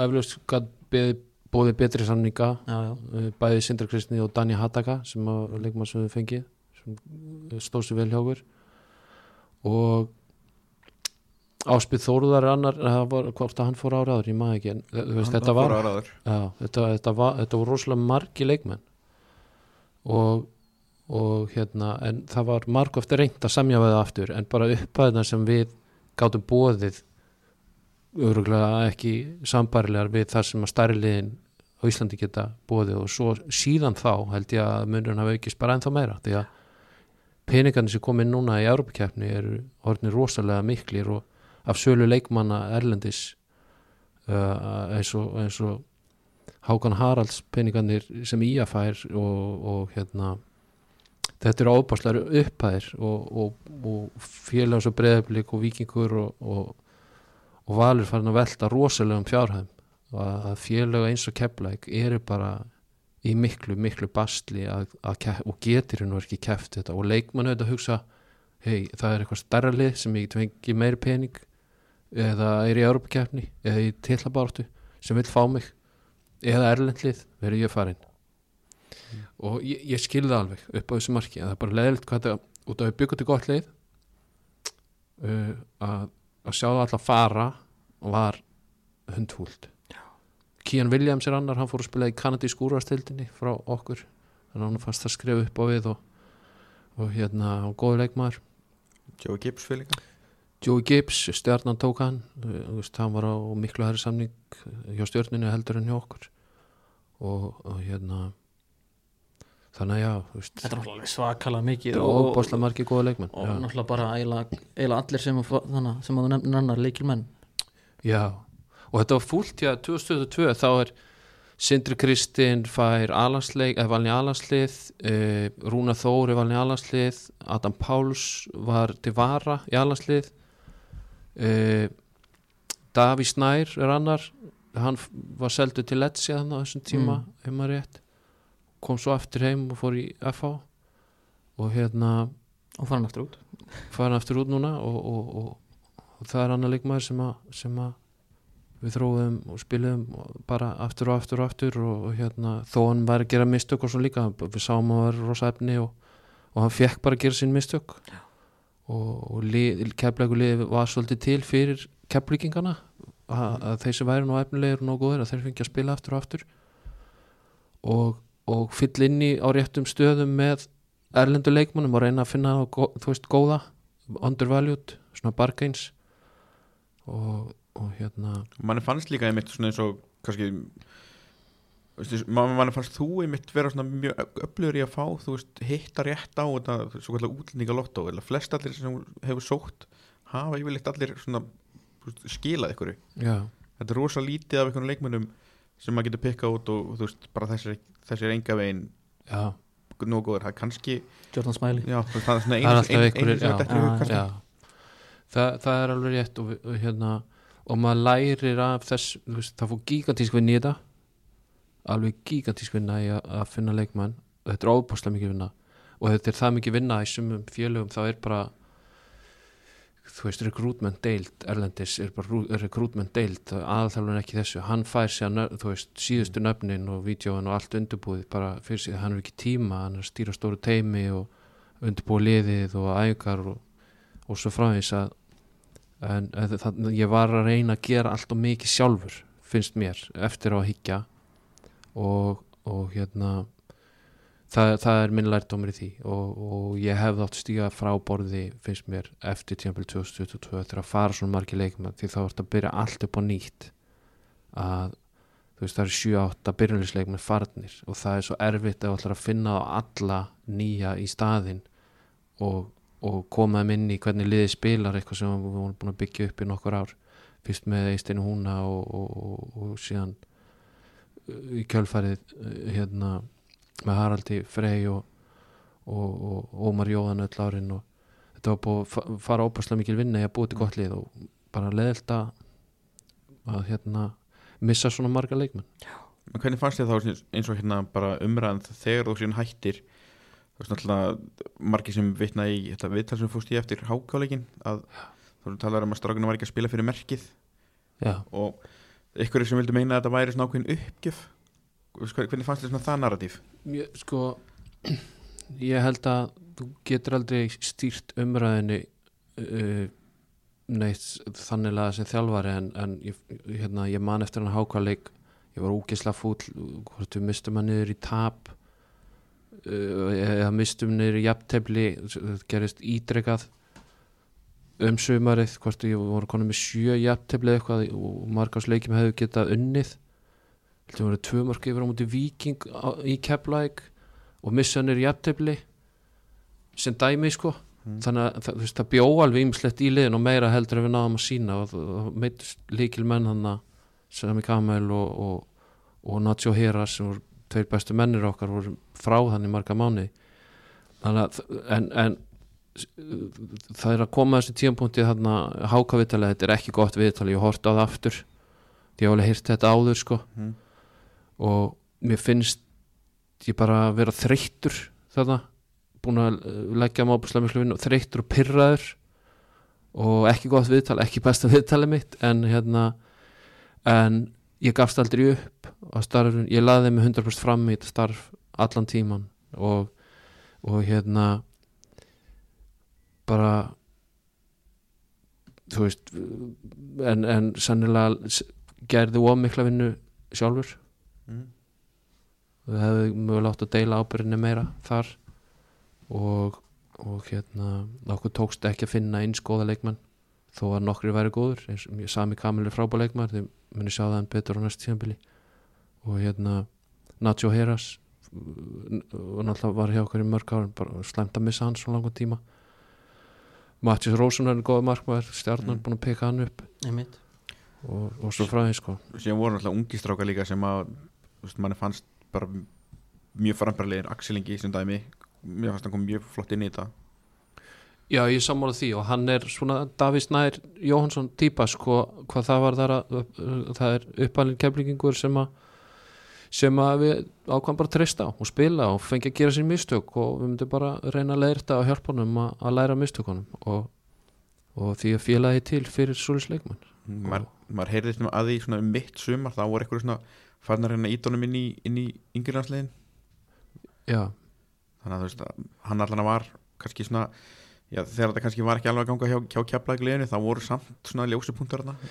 Já, já, klálega og hann er mjög efnilegur og, og, og síðan er, er Áskir Orri líka hérna gríðarlega efnilegur markmaður sem getur náða mjög langt og hérna er hann spilaði þetta ekki mikið í sumar en, en hafa verið treyst á næst sumar og hjá Keflæk þannig að hérna hann, að- maður sér þegar hann æfir og hvernig attitúti er að það er feiki efnilegur markmaður og, og Ómar Jó hefur mjög mikla trú á honum og, og, og ég treyst Ómar alltaf 100% fyrir Mm. markmannsmálunum um, þannig að já, já það, það, er, það voru ljósi punktar en, en he, heilt yfir ekki nógu margir til þess að vinna þeim að hanga upp í með liðið. Já, Hvern- segir sér kannski svolítið sjálft þegar maður missir svona mikið af leikunum þá er þannig Já, það er áfall Já. Það það. en hvernig er þetta svona svo, þú veist, maður horfur á keflagliðið og þú veist svona mann man finnst svona svo þú veist, ég fæ svona svipað tilfengið með keflæk eins og ég fæ með IBF til dæmis þú veist, eins og í keflæk, þú veist, það er rosalega mikið púður sett í körfuna þar. Mann finnst svona allir, allir svona eins og sé svona miklu meir og svona allir áhugin er kannski frekar þar heldur en í fótboltanum. Og eins til dæmis í IBF, þú veist, með handboltan þú veist, mann sér svona þú veist, mann finnst svona eins og sé verið svona svolítið svona áhugin er svolítið að fara frá fótboltanum og kannski svona, þú veist þú veist eins og Gunnar hér hefur nefnt að til með bara yngri flokkar þjálfara starfið og, og bara hvernig staðan er hjá IBF um að það sé margt og þeir séu alveg einhvern fimm árum eftir á. Já, ég, ég held að sé alveg punktar í þessu, maður hefur heyrt sko að það eru miklu ágjur á fótboltanum í Vassmanni og hérna og að samaskapi þá sér maður við vorum enda búin að byggja bara óbáslega skemmtilegi þannig að 2022 og endum í sjöndasæti og það hefur verið svo gott moment til þess að taka skrifið upp í top 6 árið eftir. Og vorum bara náaldi að vera í top 6 en, en fyrst það náðist ekki og allir fara og byrjar aftur upp á nýtt þá skilur maður stuðnismennir þeir, það verður færið sem mæta. Veist að það verður minn áhugi það verður um, erfiðar og erfiðar að keppa við stóru liðin sem að fá bestu þú veist, sjá, hópin hjá vikingum í sumar Þa, það hefur aldrei verið Íslands lið með svona mikla breytt held ég eins og vikingur verður með næst sumar. bara að bæta við sko. þeir eru bara að bæta við. Og, og hérna og hinliðin er reyna að keppast við það sama sko, þú veist, breyðablík og, og valur og, og, og svo káir og svo fræðins, þetta kostar fullt af peningum og allt það, en liðin eiga mikla peninga núna mörg og þá hækka launin og allt. Og þá verður miklu, miklu erfiðara fyrir minni félögin eða hvað við segja, félög eins og Keflæk og IPVF sem eru líka ekki staðsett í Reykjavík að, hérna þú veist, ef það er íslensku leikmaður á lausu þá er miklu erfiðar að samfæra hann um að koma til Vestmanni að spila. Ég hef verið þar, ég hef þjálfað IPVF uh, heldur en ef hann getur bara búið í Reykjavík og, og, og það eru eitthvað 5, 6, 7 félög hérna á höfbruksvæðinu efstu deild sem að þeir geta frekar vera til þá gera þær það frekar og þeir fór líka herri launar þannig að maður- það, það, er, það er miklu meira challenge það er erfiðara á margan hátt að þjálfa lítið lið eða sem er með lítið budget. Og, og þarf að sætta sig við að fá afgangsleikmennina sem að stóru liðin hérna í bænum hafa ekki nót fyrir. Mm. þannig að þú ert að taka menn á láni Já. sem fá ekki spila á stóru liðanum ég er mitt sko, þú veist, ég er kámaður sko. Og, að- og þú veist, það er náttúrulega kannski svona síðustu ár það landsbyðalið sem að, að hefur staðið sig kannski sem best. Vorum í öðru sæti í þannig að 2002 og ég er einmitt sko núna í, í þenn, þennan veturinn. Ég er búin að vera þannig að off-air við vinnum mína og aðra bara að ranta sko ég er þannig að orðið svo pirraður á því hvað hérna uh, vilst ekki vera að gera, gerast neitt á, á leikmannmarkaðin en eins og þú segir, þá er þetta bara svo erfitt. K.A. er fimm tímum frá Reykjavík í bíl og þú veist og, og hérna þú veist en, en eins og Keflavík þú veist átt- áttu þannig eitt, eitt tímabil það sem að var rosa gaman gekk vel, vinni, vinni já, en þú veist, og, og, og þú veist, það er hægt að líka svo við káa, þú veist, við ægum hana eitt tímabíl sem er óseg gaman, við erum með öðru sæti. Já, og þannig að svo tímabíl eftir á, þú veist, hvern skellur missum líkilmann í nökkva og þú veist, og núna þannig að þú veist, verist, þetta verist alltaf að vera bara svona one, eitt season gaman og síðan bara búið, þú veist, það er það er erfitt að viðhalda Já, og þú veist, það var náttúrulega bara sem í- þannig að uh, ég er reyndar að mæta eins marga leikja og ég get hérna fyrir sunnan, en þannig að uh, þá skil ég aðra sem að kannski fannst miklu skemmtilega að mæta 2022 heldur en þeim fannst í sumar. Já, já, ég, ég er saman tegundi hvert orð þannig þetta er, þetta er mikið challenge að ná að byggja upp lið og, og, og þegar ég kom í Keflavík þá var liðið í fymta sæti í næstafstu dild og við á Ísteinn búum þannig til gott liði saman sem að vinnur lengjudeldan strax á fyrst tíðanbili og svo höldu okkur upp árið eftir. Og, og árið eftir það eru við hvað tí, hvort við vorum tíundasæti og svo sjöndasæti það man ekki hvernig það var. Að, að til þess að þetta haldi áfram þá verður að geta nelt alla niður á lengri samningum helst ekki gert nein mistök á leikmannumarkaðanum um, finna meira, miklu meira fjármagn heldur en hefur verið úr að spila. Og uh, þannig að þú þarft að fá bæjarfélagi með eða fyrirtæki með eða eitthvað sem er tilbúinur að setja meiri pening í, í liðið. Þú ert líka eitthvað svona sterkan árgang upp yngjörflokkana og, og hérna ég tók saman e- eitt árið ég man ekki hvað árið ég tók það saman hjá Keflavík að það voru meira meina allir yngjörflokkana í bjerili mm. og við vorum ekki að fá upp kannski eitthvað óbáslega talenta. Við fengum Davís Nær sem er frábært talent og frábært leikmaður. En heilt yfir voru allt og fáir svoleiðis. Við hefðum þurft fleiri. Og mögulega þannig hjá Káa, ég veit það ekki en þriði flokkurinn er góður en, en það, það er svolítið ungt. Já, svolítið í hann. Já, og þú þarft að fá upp svona árganga kannski tvo, þrjá sem, sem er hægt að byggja og stóla. Við verum að tala um svona einn og einn hjá okkur. Davís Nær og svo Axel Ingi Áskir Orri. Þetta er leikmenn sem að verða góðir og hérna ef þú þarft fleiri ef þú átt að geta byggt upp lið af heimamennum IBVF er í sama vesinni. Það eru yngur flokkarnir eru í, í bjerili og Það er bara allir lítið hjá að bólta frétta, sko. já, fara allir í handbólta Já, svona kannski aðeins um, um, um samstarf hjá þér og Eistin húna þá var náttúrulega mikið látið með það þegar hérna, tímbilið eftir hann verið fer að svona, síðast tímbilið eitthvað saman þetta hafi verið eitthvað að storma samt hann ykkur á milli. Vi, Mér fannst svona mjög, go mjög gott að vinna með Eistinni fyrsta árið sem að við vinnum saman hann hann vinnum við deildina.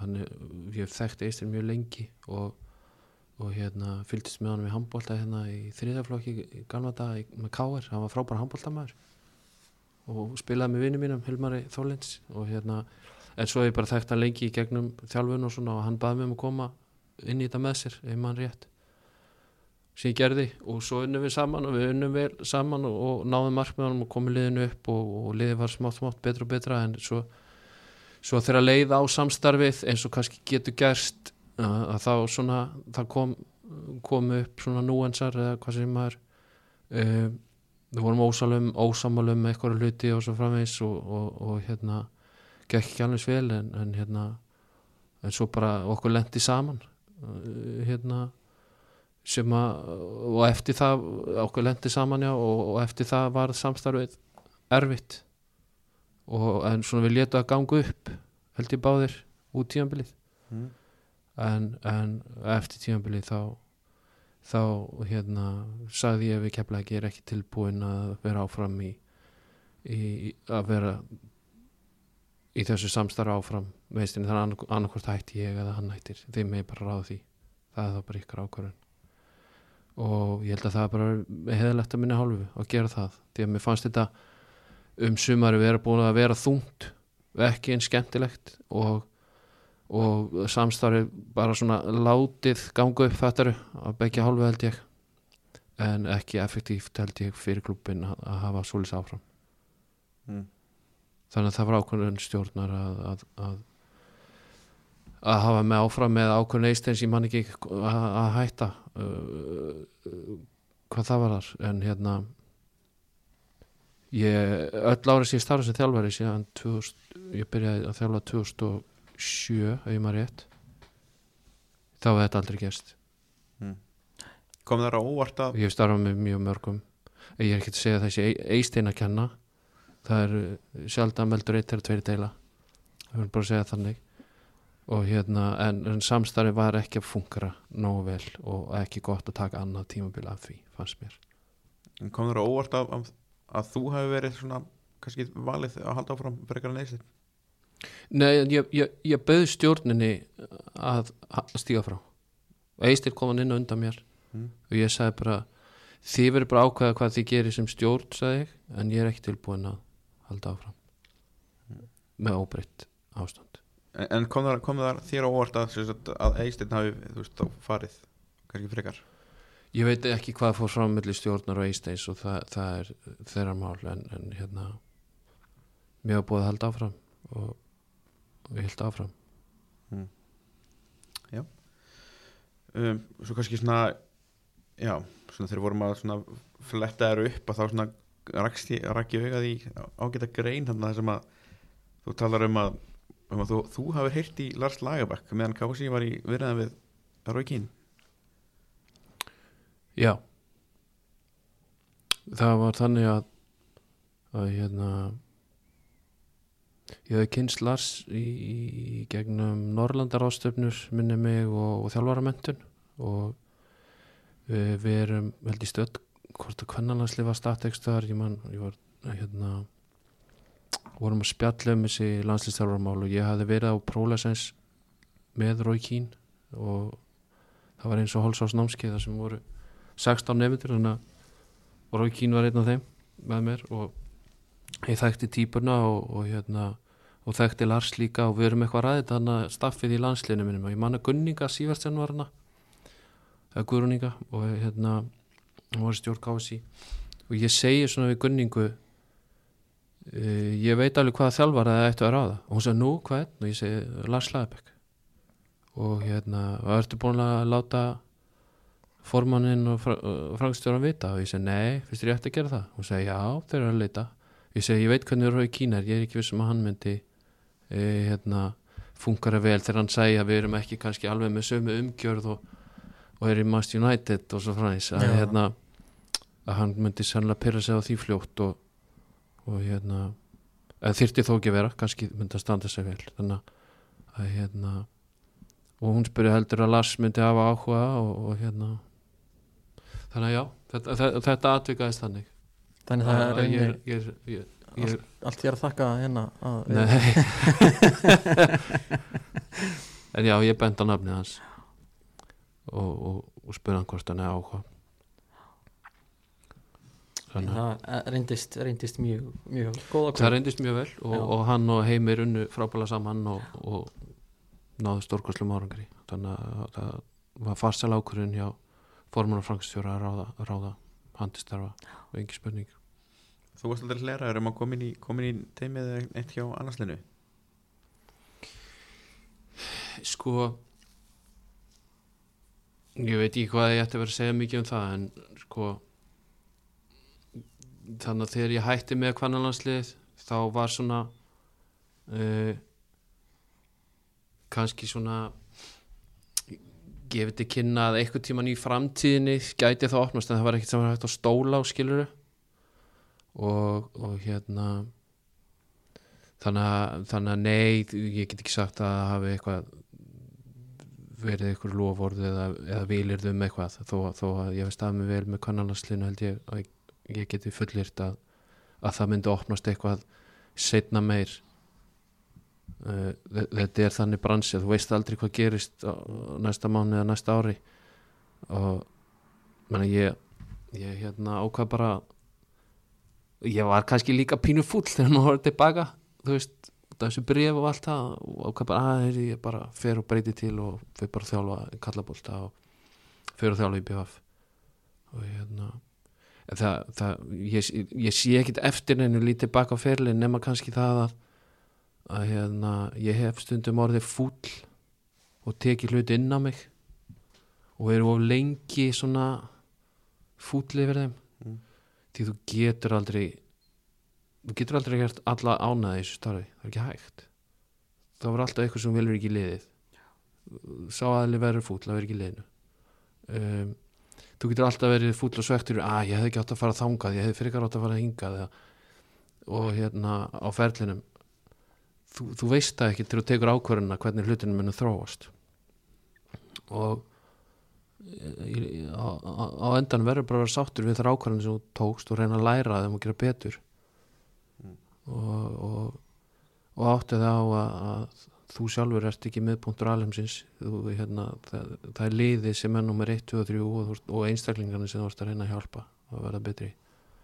Og þá held ég að verði betri manneskja líka að þú eru áttur á því og, og hérna og vonandi betri þjálfari með tímanum Mm. og læra mistökunum.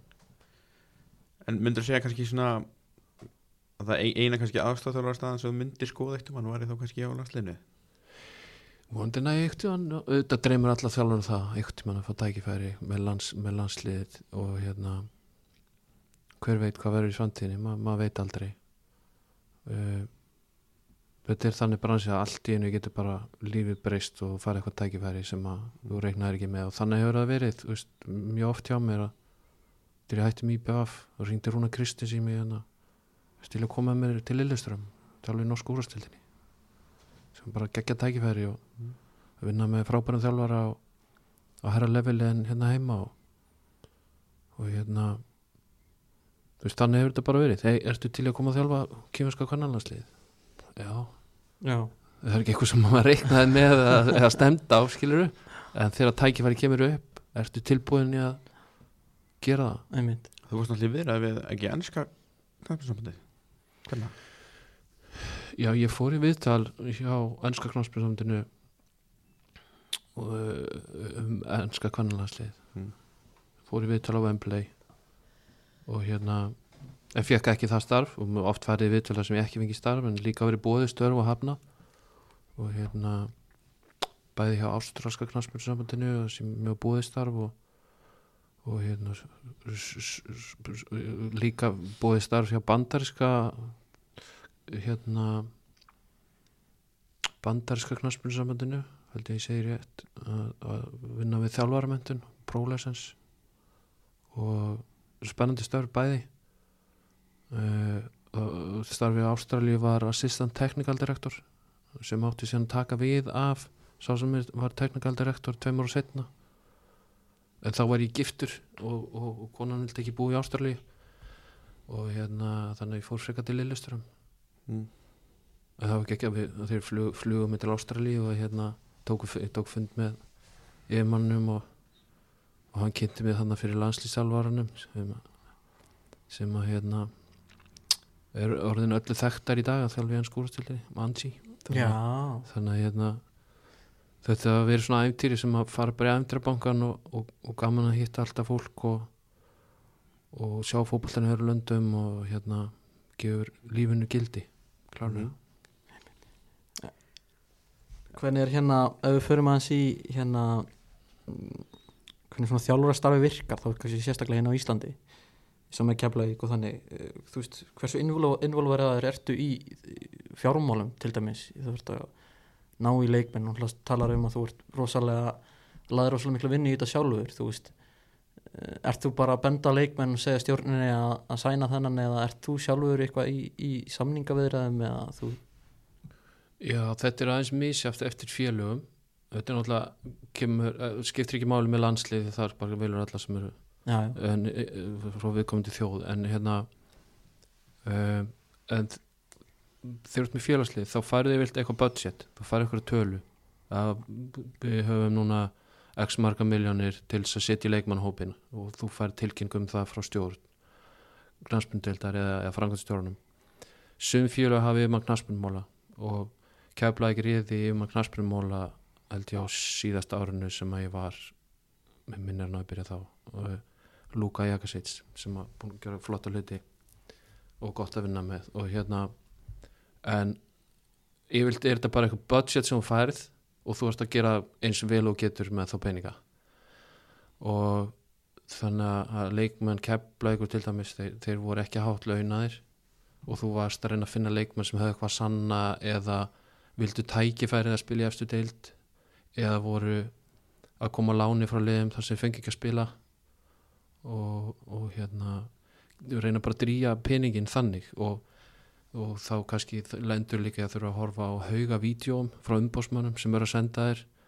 Þannig að hérna horfir á mörg hundru vídjó af leikmannum á undirbúinstíðanbylnu og allir eru með hérna, hei þessi er frábæri þú veist, þú verður að sæna þennan. Og, og stundum færið bara rununa þú veist, tíu vídeo frá umbósmönnum með eitthvað, en, en ég held að hjá stærri liðanum þá ertu meira með bara gott samband við bestu umbósmönna ég held til dæmis eins og vikingarnir hljóta eiga mjög gott samband þú veist, Arnur og Bjarki eru tvíbarar og Bjarki er að vinna á stærstu umbóskustöðunni eh, hérna þannig að hann lítur að fá ábendingar og góða leikmenn Já. frá bróðu sínum, gerum maður ráð fyrir Mm. en, uh, og eflust það er samband líka við, við fleiri skilur Magnús Agnar líka eflust með góðu samband við Breiðablik og hann og Óskar góðu vinnir þekkjast frá Káher og svo fræðis en þe- þetta er aðalega það að leikmenn vilja fara í stór lið og góð lið og fá góð lögin og allt það. En þetta skiptir líka máli, samband sjást með umbósmenn hvað hérna og þeir reyna að plugga leikmenn til þín og segja að þessi góður. Og þá er þið kannski aðeins búin að forvinna þetta. Þú þurfur ekki að horfa á mörg hundru vídeo því að þú veist að ykkur og ef hefur spilað á okkur leveli í norsku úrvarsleildin eitthvað þá veist hann er góður. Um, en oft er voru við að leita leikmennin sem eitthvað þú veist við tókum um Kian Williams frá Magna. Um, við bara researchum hann vel. Við einmitt. tókum Áspið Þórusson og fekk ekki lengur að spila var lítið að spila hjá Káir þannig að við, við tókum hann og seljum hann síðan í FH árið senna ef ég maður rétt. Þannig að stundum er að taka svona out of favor leikmenn Adam Páls var lítið að fá að spila og, og við fáum hann á lán. Og, og maður reyna að munna allar þessar sögur sko. það, það, það er alveg mismönd að sagða og bak við hvern og heitt En hvernig er það hérna, núna er náttúrulega tölfræðin alltaf að vera meira og meira faktor í fótboltanum.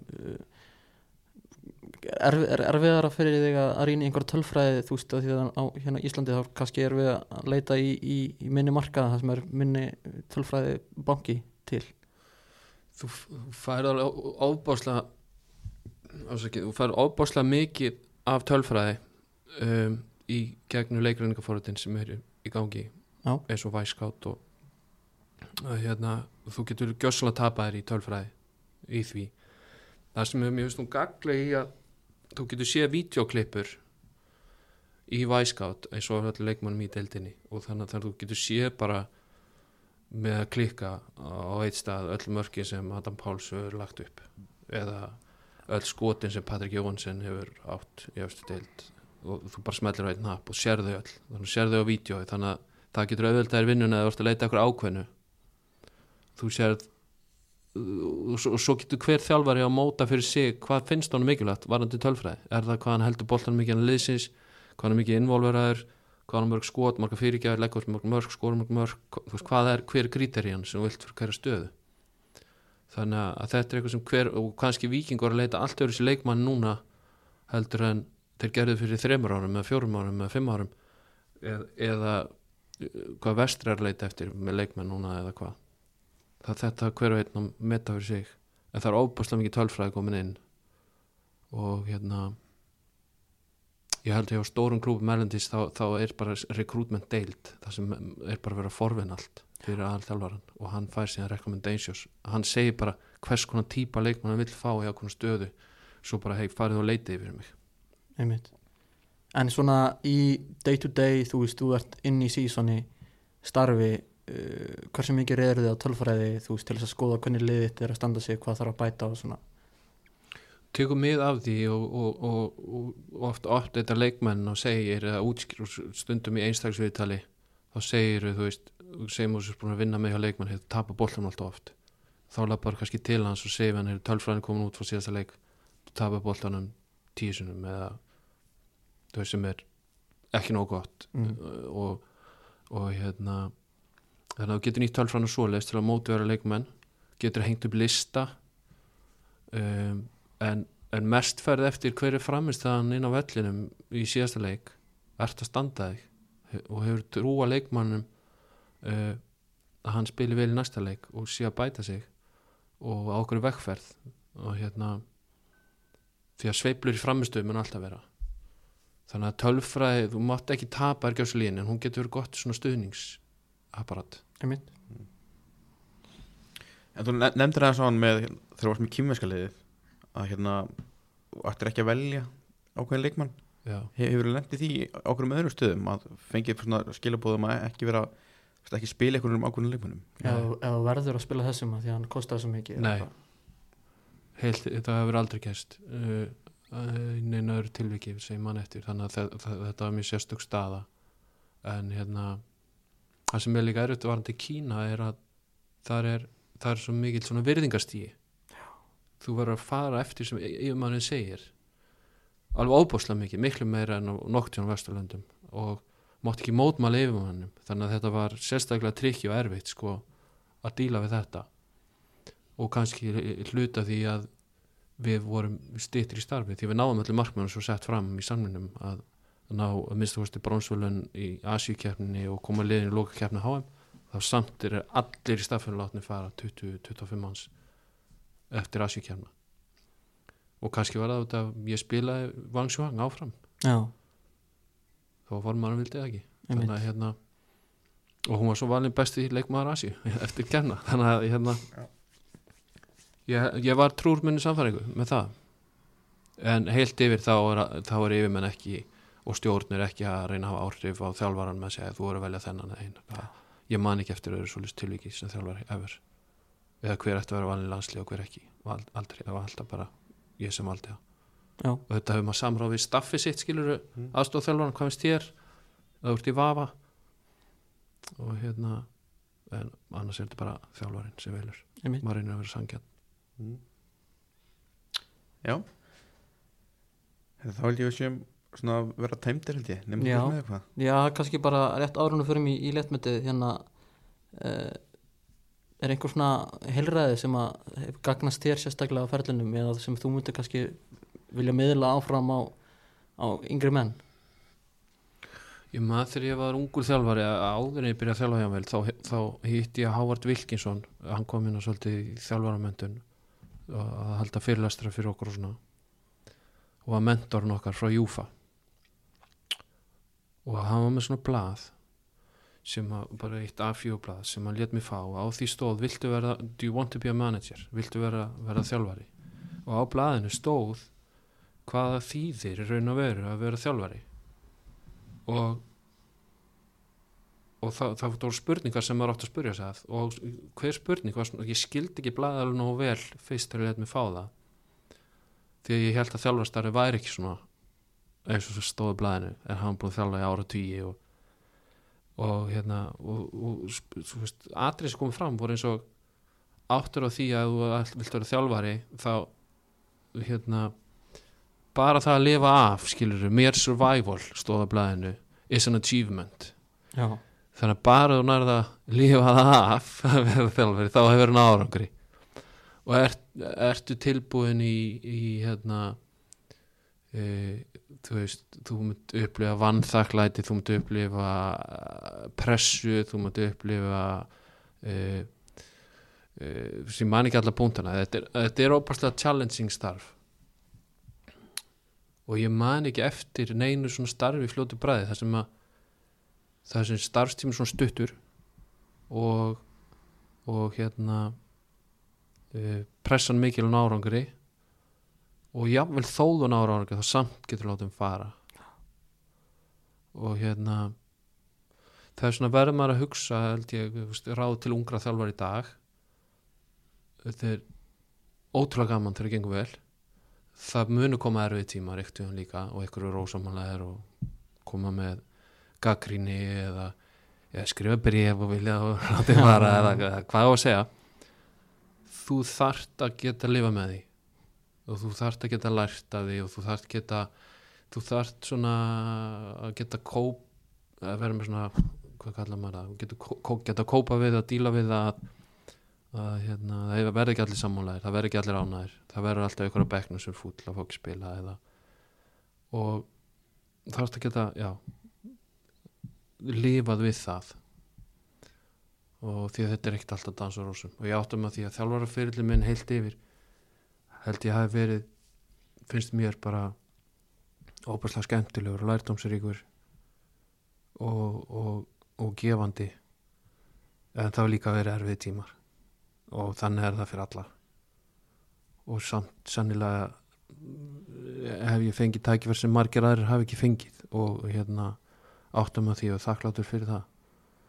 Og hérna já þannig að góð, veist, góða ráðið er bara að halda áfram ef að þið dreymir um að vera þjálfari og og hérna þú veist mér veist mér veist, mér veist eh, já og ekki láta neitt skilur stoppa þig já, í að ná drömniðinum og mér finnst gaman að vera með að fá upp unga efnilega þjálfar, mér finnst gaman að horfa á stjörnuna í sumar til dæmis, Jökull Elisabethsson að gera frábæra luti með það og ég held að sé afræstu líka margra ára vinnu eh, hjá þjálfurum í öðru flokki sem að vinna markvist, selt marga leikmenn út búið til góða leikmenn mjög góða þjálfar í öðrum og þrjá flokki. Og, og stjarnan spila flottan, skemmtilegan fótbolta og bara gera frábæra luti hann að og mér finnst gaman líka að þessi gæjar voru að fara í gegnum þjálfarmentinu á KSI sem ég átti hluti að búa til og, og hérna og vildi reyna að ebla þjálfarmentun og, og hérna þeir þurfa að fara í gegnum þennan skóla sem síðan Arna Bill og, og, og hérna Dagur hjá, hjá KSI hafa Dagur Dabjars hafa búið til flotta þjálfarmentun líka í kjölfarið og, og mann farið ekki um góðan skóla hefum marga efnilega þjálfara maður sér núna Frey Alessandinsson þjálfa erlendist og gera frábært hluti uh, Óskar Rapp komin í norsku úrstildina uh, þannig að hérna vonandi vera fleiri og fleiri. Arna Gunnlaugsson var eftirsóttur frábært þjálfari. Þannig að við erum að fá upp ábærslega færa og flotta þjálfara sem eru hörku dugleir og hérna vonandi heldur það áfram. Við, við þurfum áfram að, Mm. að gera það. Og ungi þjálfari í dag stefni, stefni á það, stefni langt. Já. Man, mann finnst það með svona, svona meira núna heldur en svona oft áður. Þú veist að, að hérna félagin er að taka séns á ungum þjálfurum þú veist, mér sé bara eins og breðableik núna með Dóra, Dóra Árna, Já. þú veist, Jök, Jökull eins og það segir þú veist, Greg Wright er ungur. Það, er mik miklu, miklu, ungur. miklu fleiri svona yngri þjálfara þú veist, líka þú ferðar, þú veist, í lengitildina þú veist, eins og, þú veist, Njarvík skiptum þjálfara með tíðanbili og þú veist, Gunnar Heiðar kemur inn, þú veist, þetta er ekki endilega farið bara í, þú veist kannski leðilegt að nota orða rísaðlunar skilju en þú veist svona þessar sem hafa verið að nógislega lengi. Já Já, maður sér það, það er, það er koma ný kynslu upp á þjálfurum og maður veldi, þú veist, það eru kostur og gallar við það, það hérna og sumir höndlaði vel og aðrir ekki. Og þú veist aldrei fyrirfram hverju eru góðu þjálfari fyrir hann og hendur hann um djúbulögina við, vitum líka alveg dæmið þjálfari sem hafa ekki staðið sig eins vel sem hafa fengið tækifæri og svo dottið út setna mæri eða farið niður um deildir. Ég held að sé þú veist, engin ein fullkomin uppskrift til að þjálfara. Og við rættum hérna með Húsi Mourinho til dæmis á þann að upphæði var hann túlkur. Mm. og hann var bara túlkur hjá mörgum af bestu þjálfurum í heimi. Þannig að hann með tímanum lærði mjög mikið hvað þarf, veitu, hvernig, er, hvernig þarf að ég að vinna sem topp þjálfari. Og hann lærði á starfið hann var bara einn á eitt skilur með, með þjálfurum eins og minni með Bobby Robson Bobby og, Robson hjá Barcelona. Já, þannig að þú veist að hendanum hugsa hann bara, ég er klár ég er confident og, og ég er búin að sjá hvernig hann er að vinna. Það er ekkert innan sem ég get ekki gert. Og hann fór að þjálfa og var topp þjálfari.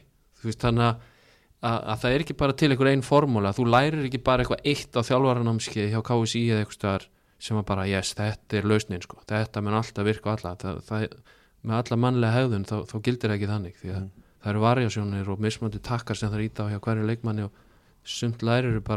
með að góður samskiptum eða, eða með góða reynslu eða fólk treystir þér og trú, trúir á þig eða þú getur þú getur hérna blásið sjálfströsti og fengið fólk til að vaða elda brennistein eða, eða það er svo margt sem þú getur tekið inn í þjálfarstarfið sem getur hjálpað þér um, að ná árangri þú þarf bara að finna hva, hvað það er hjá þér sjálfum Mm.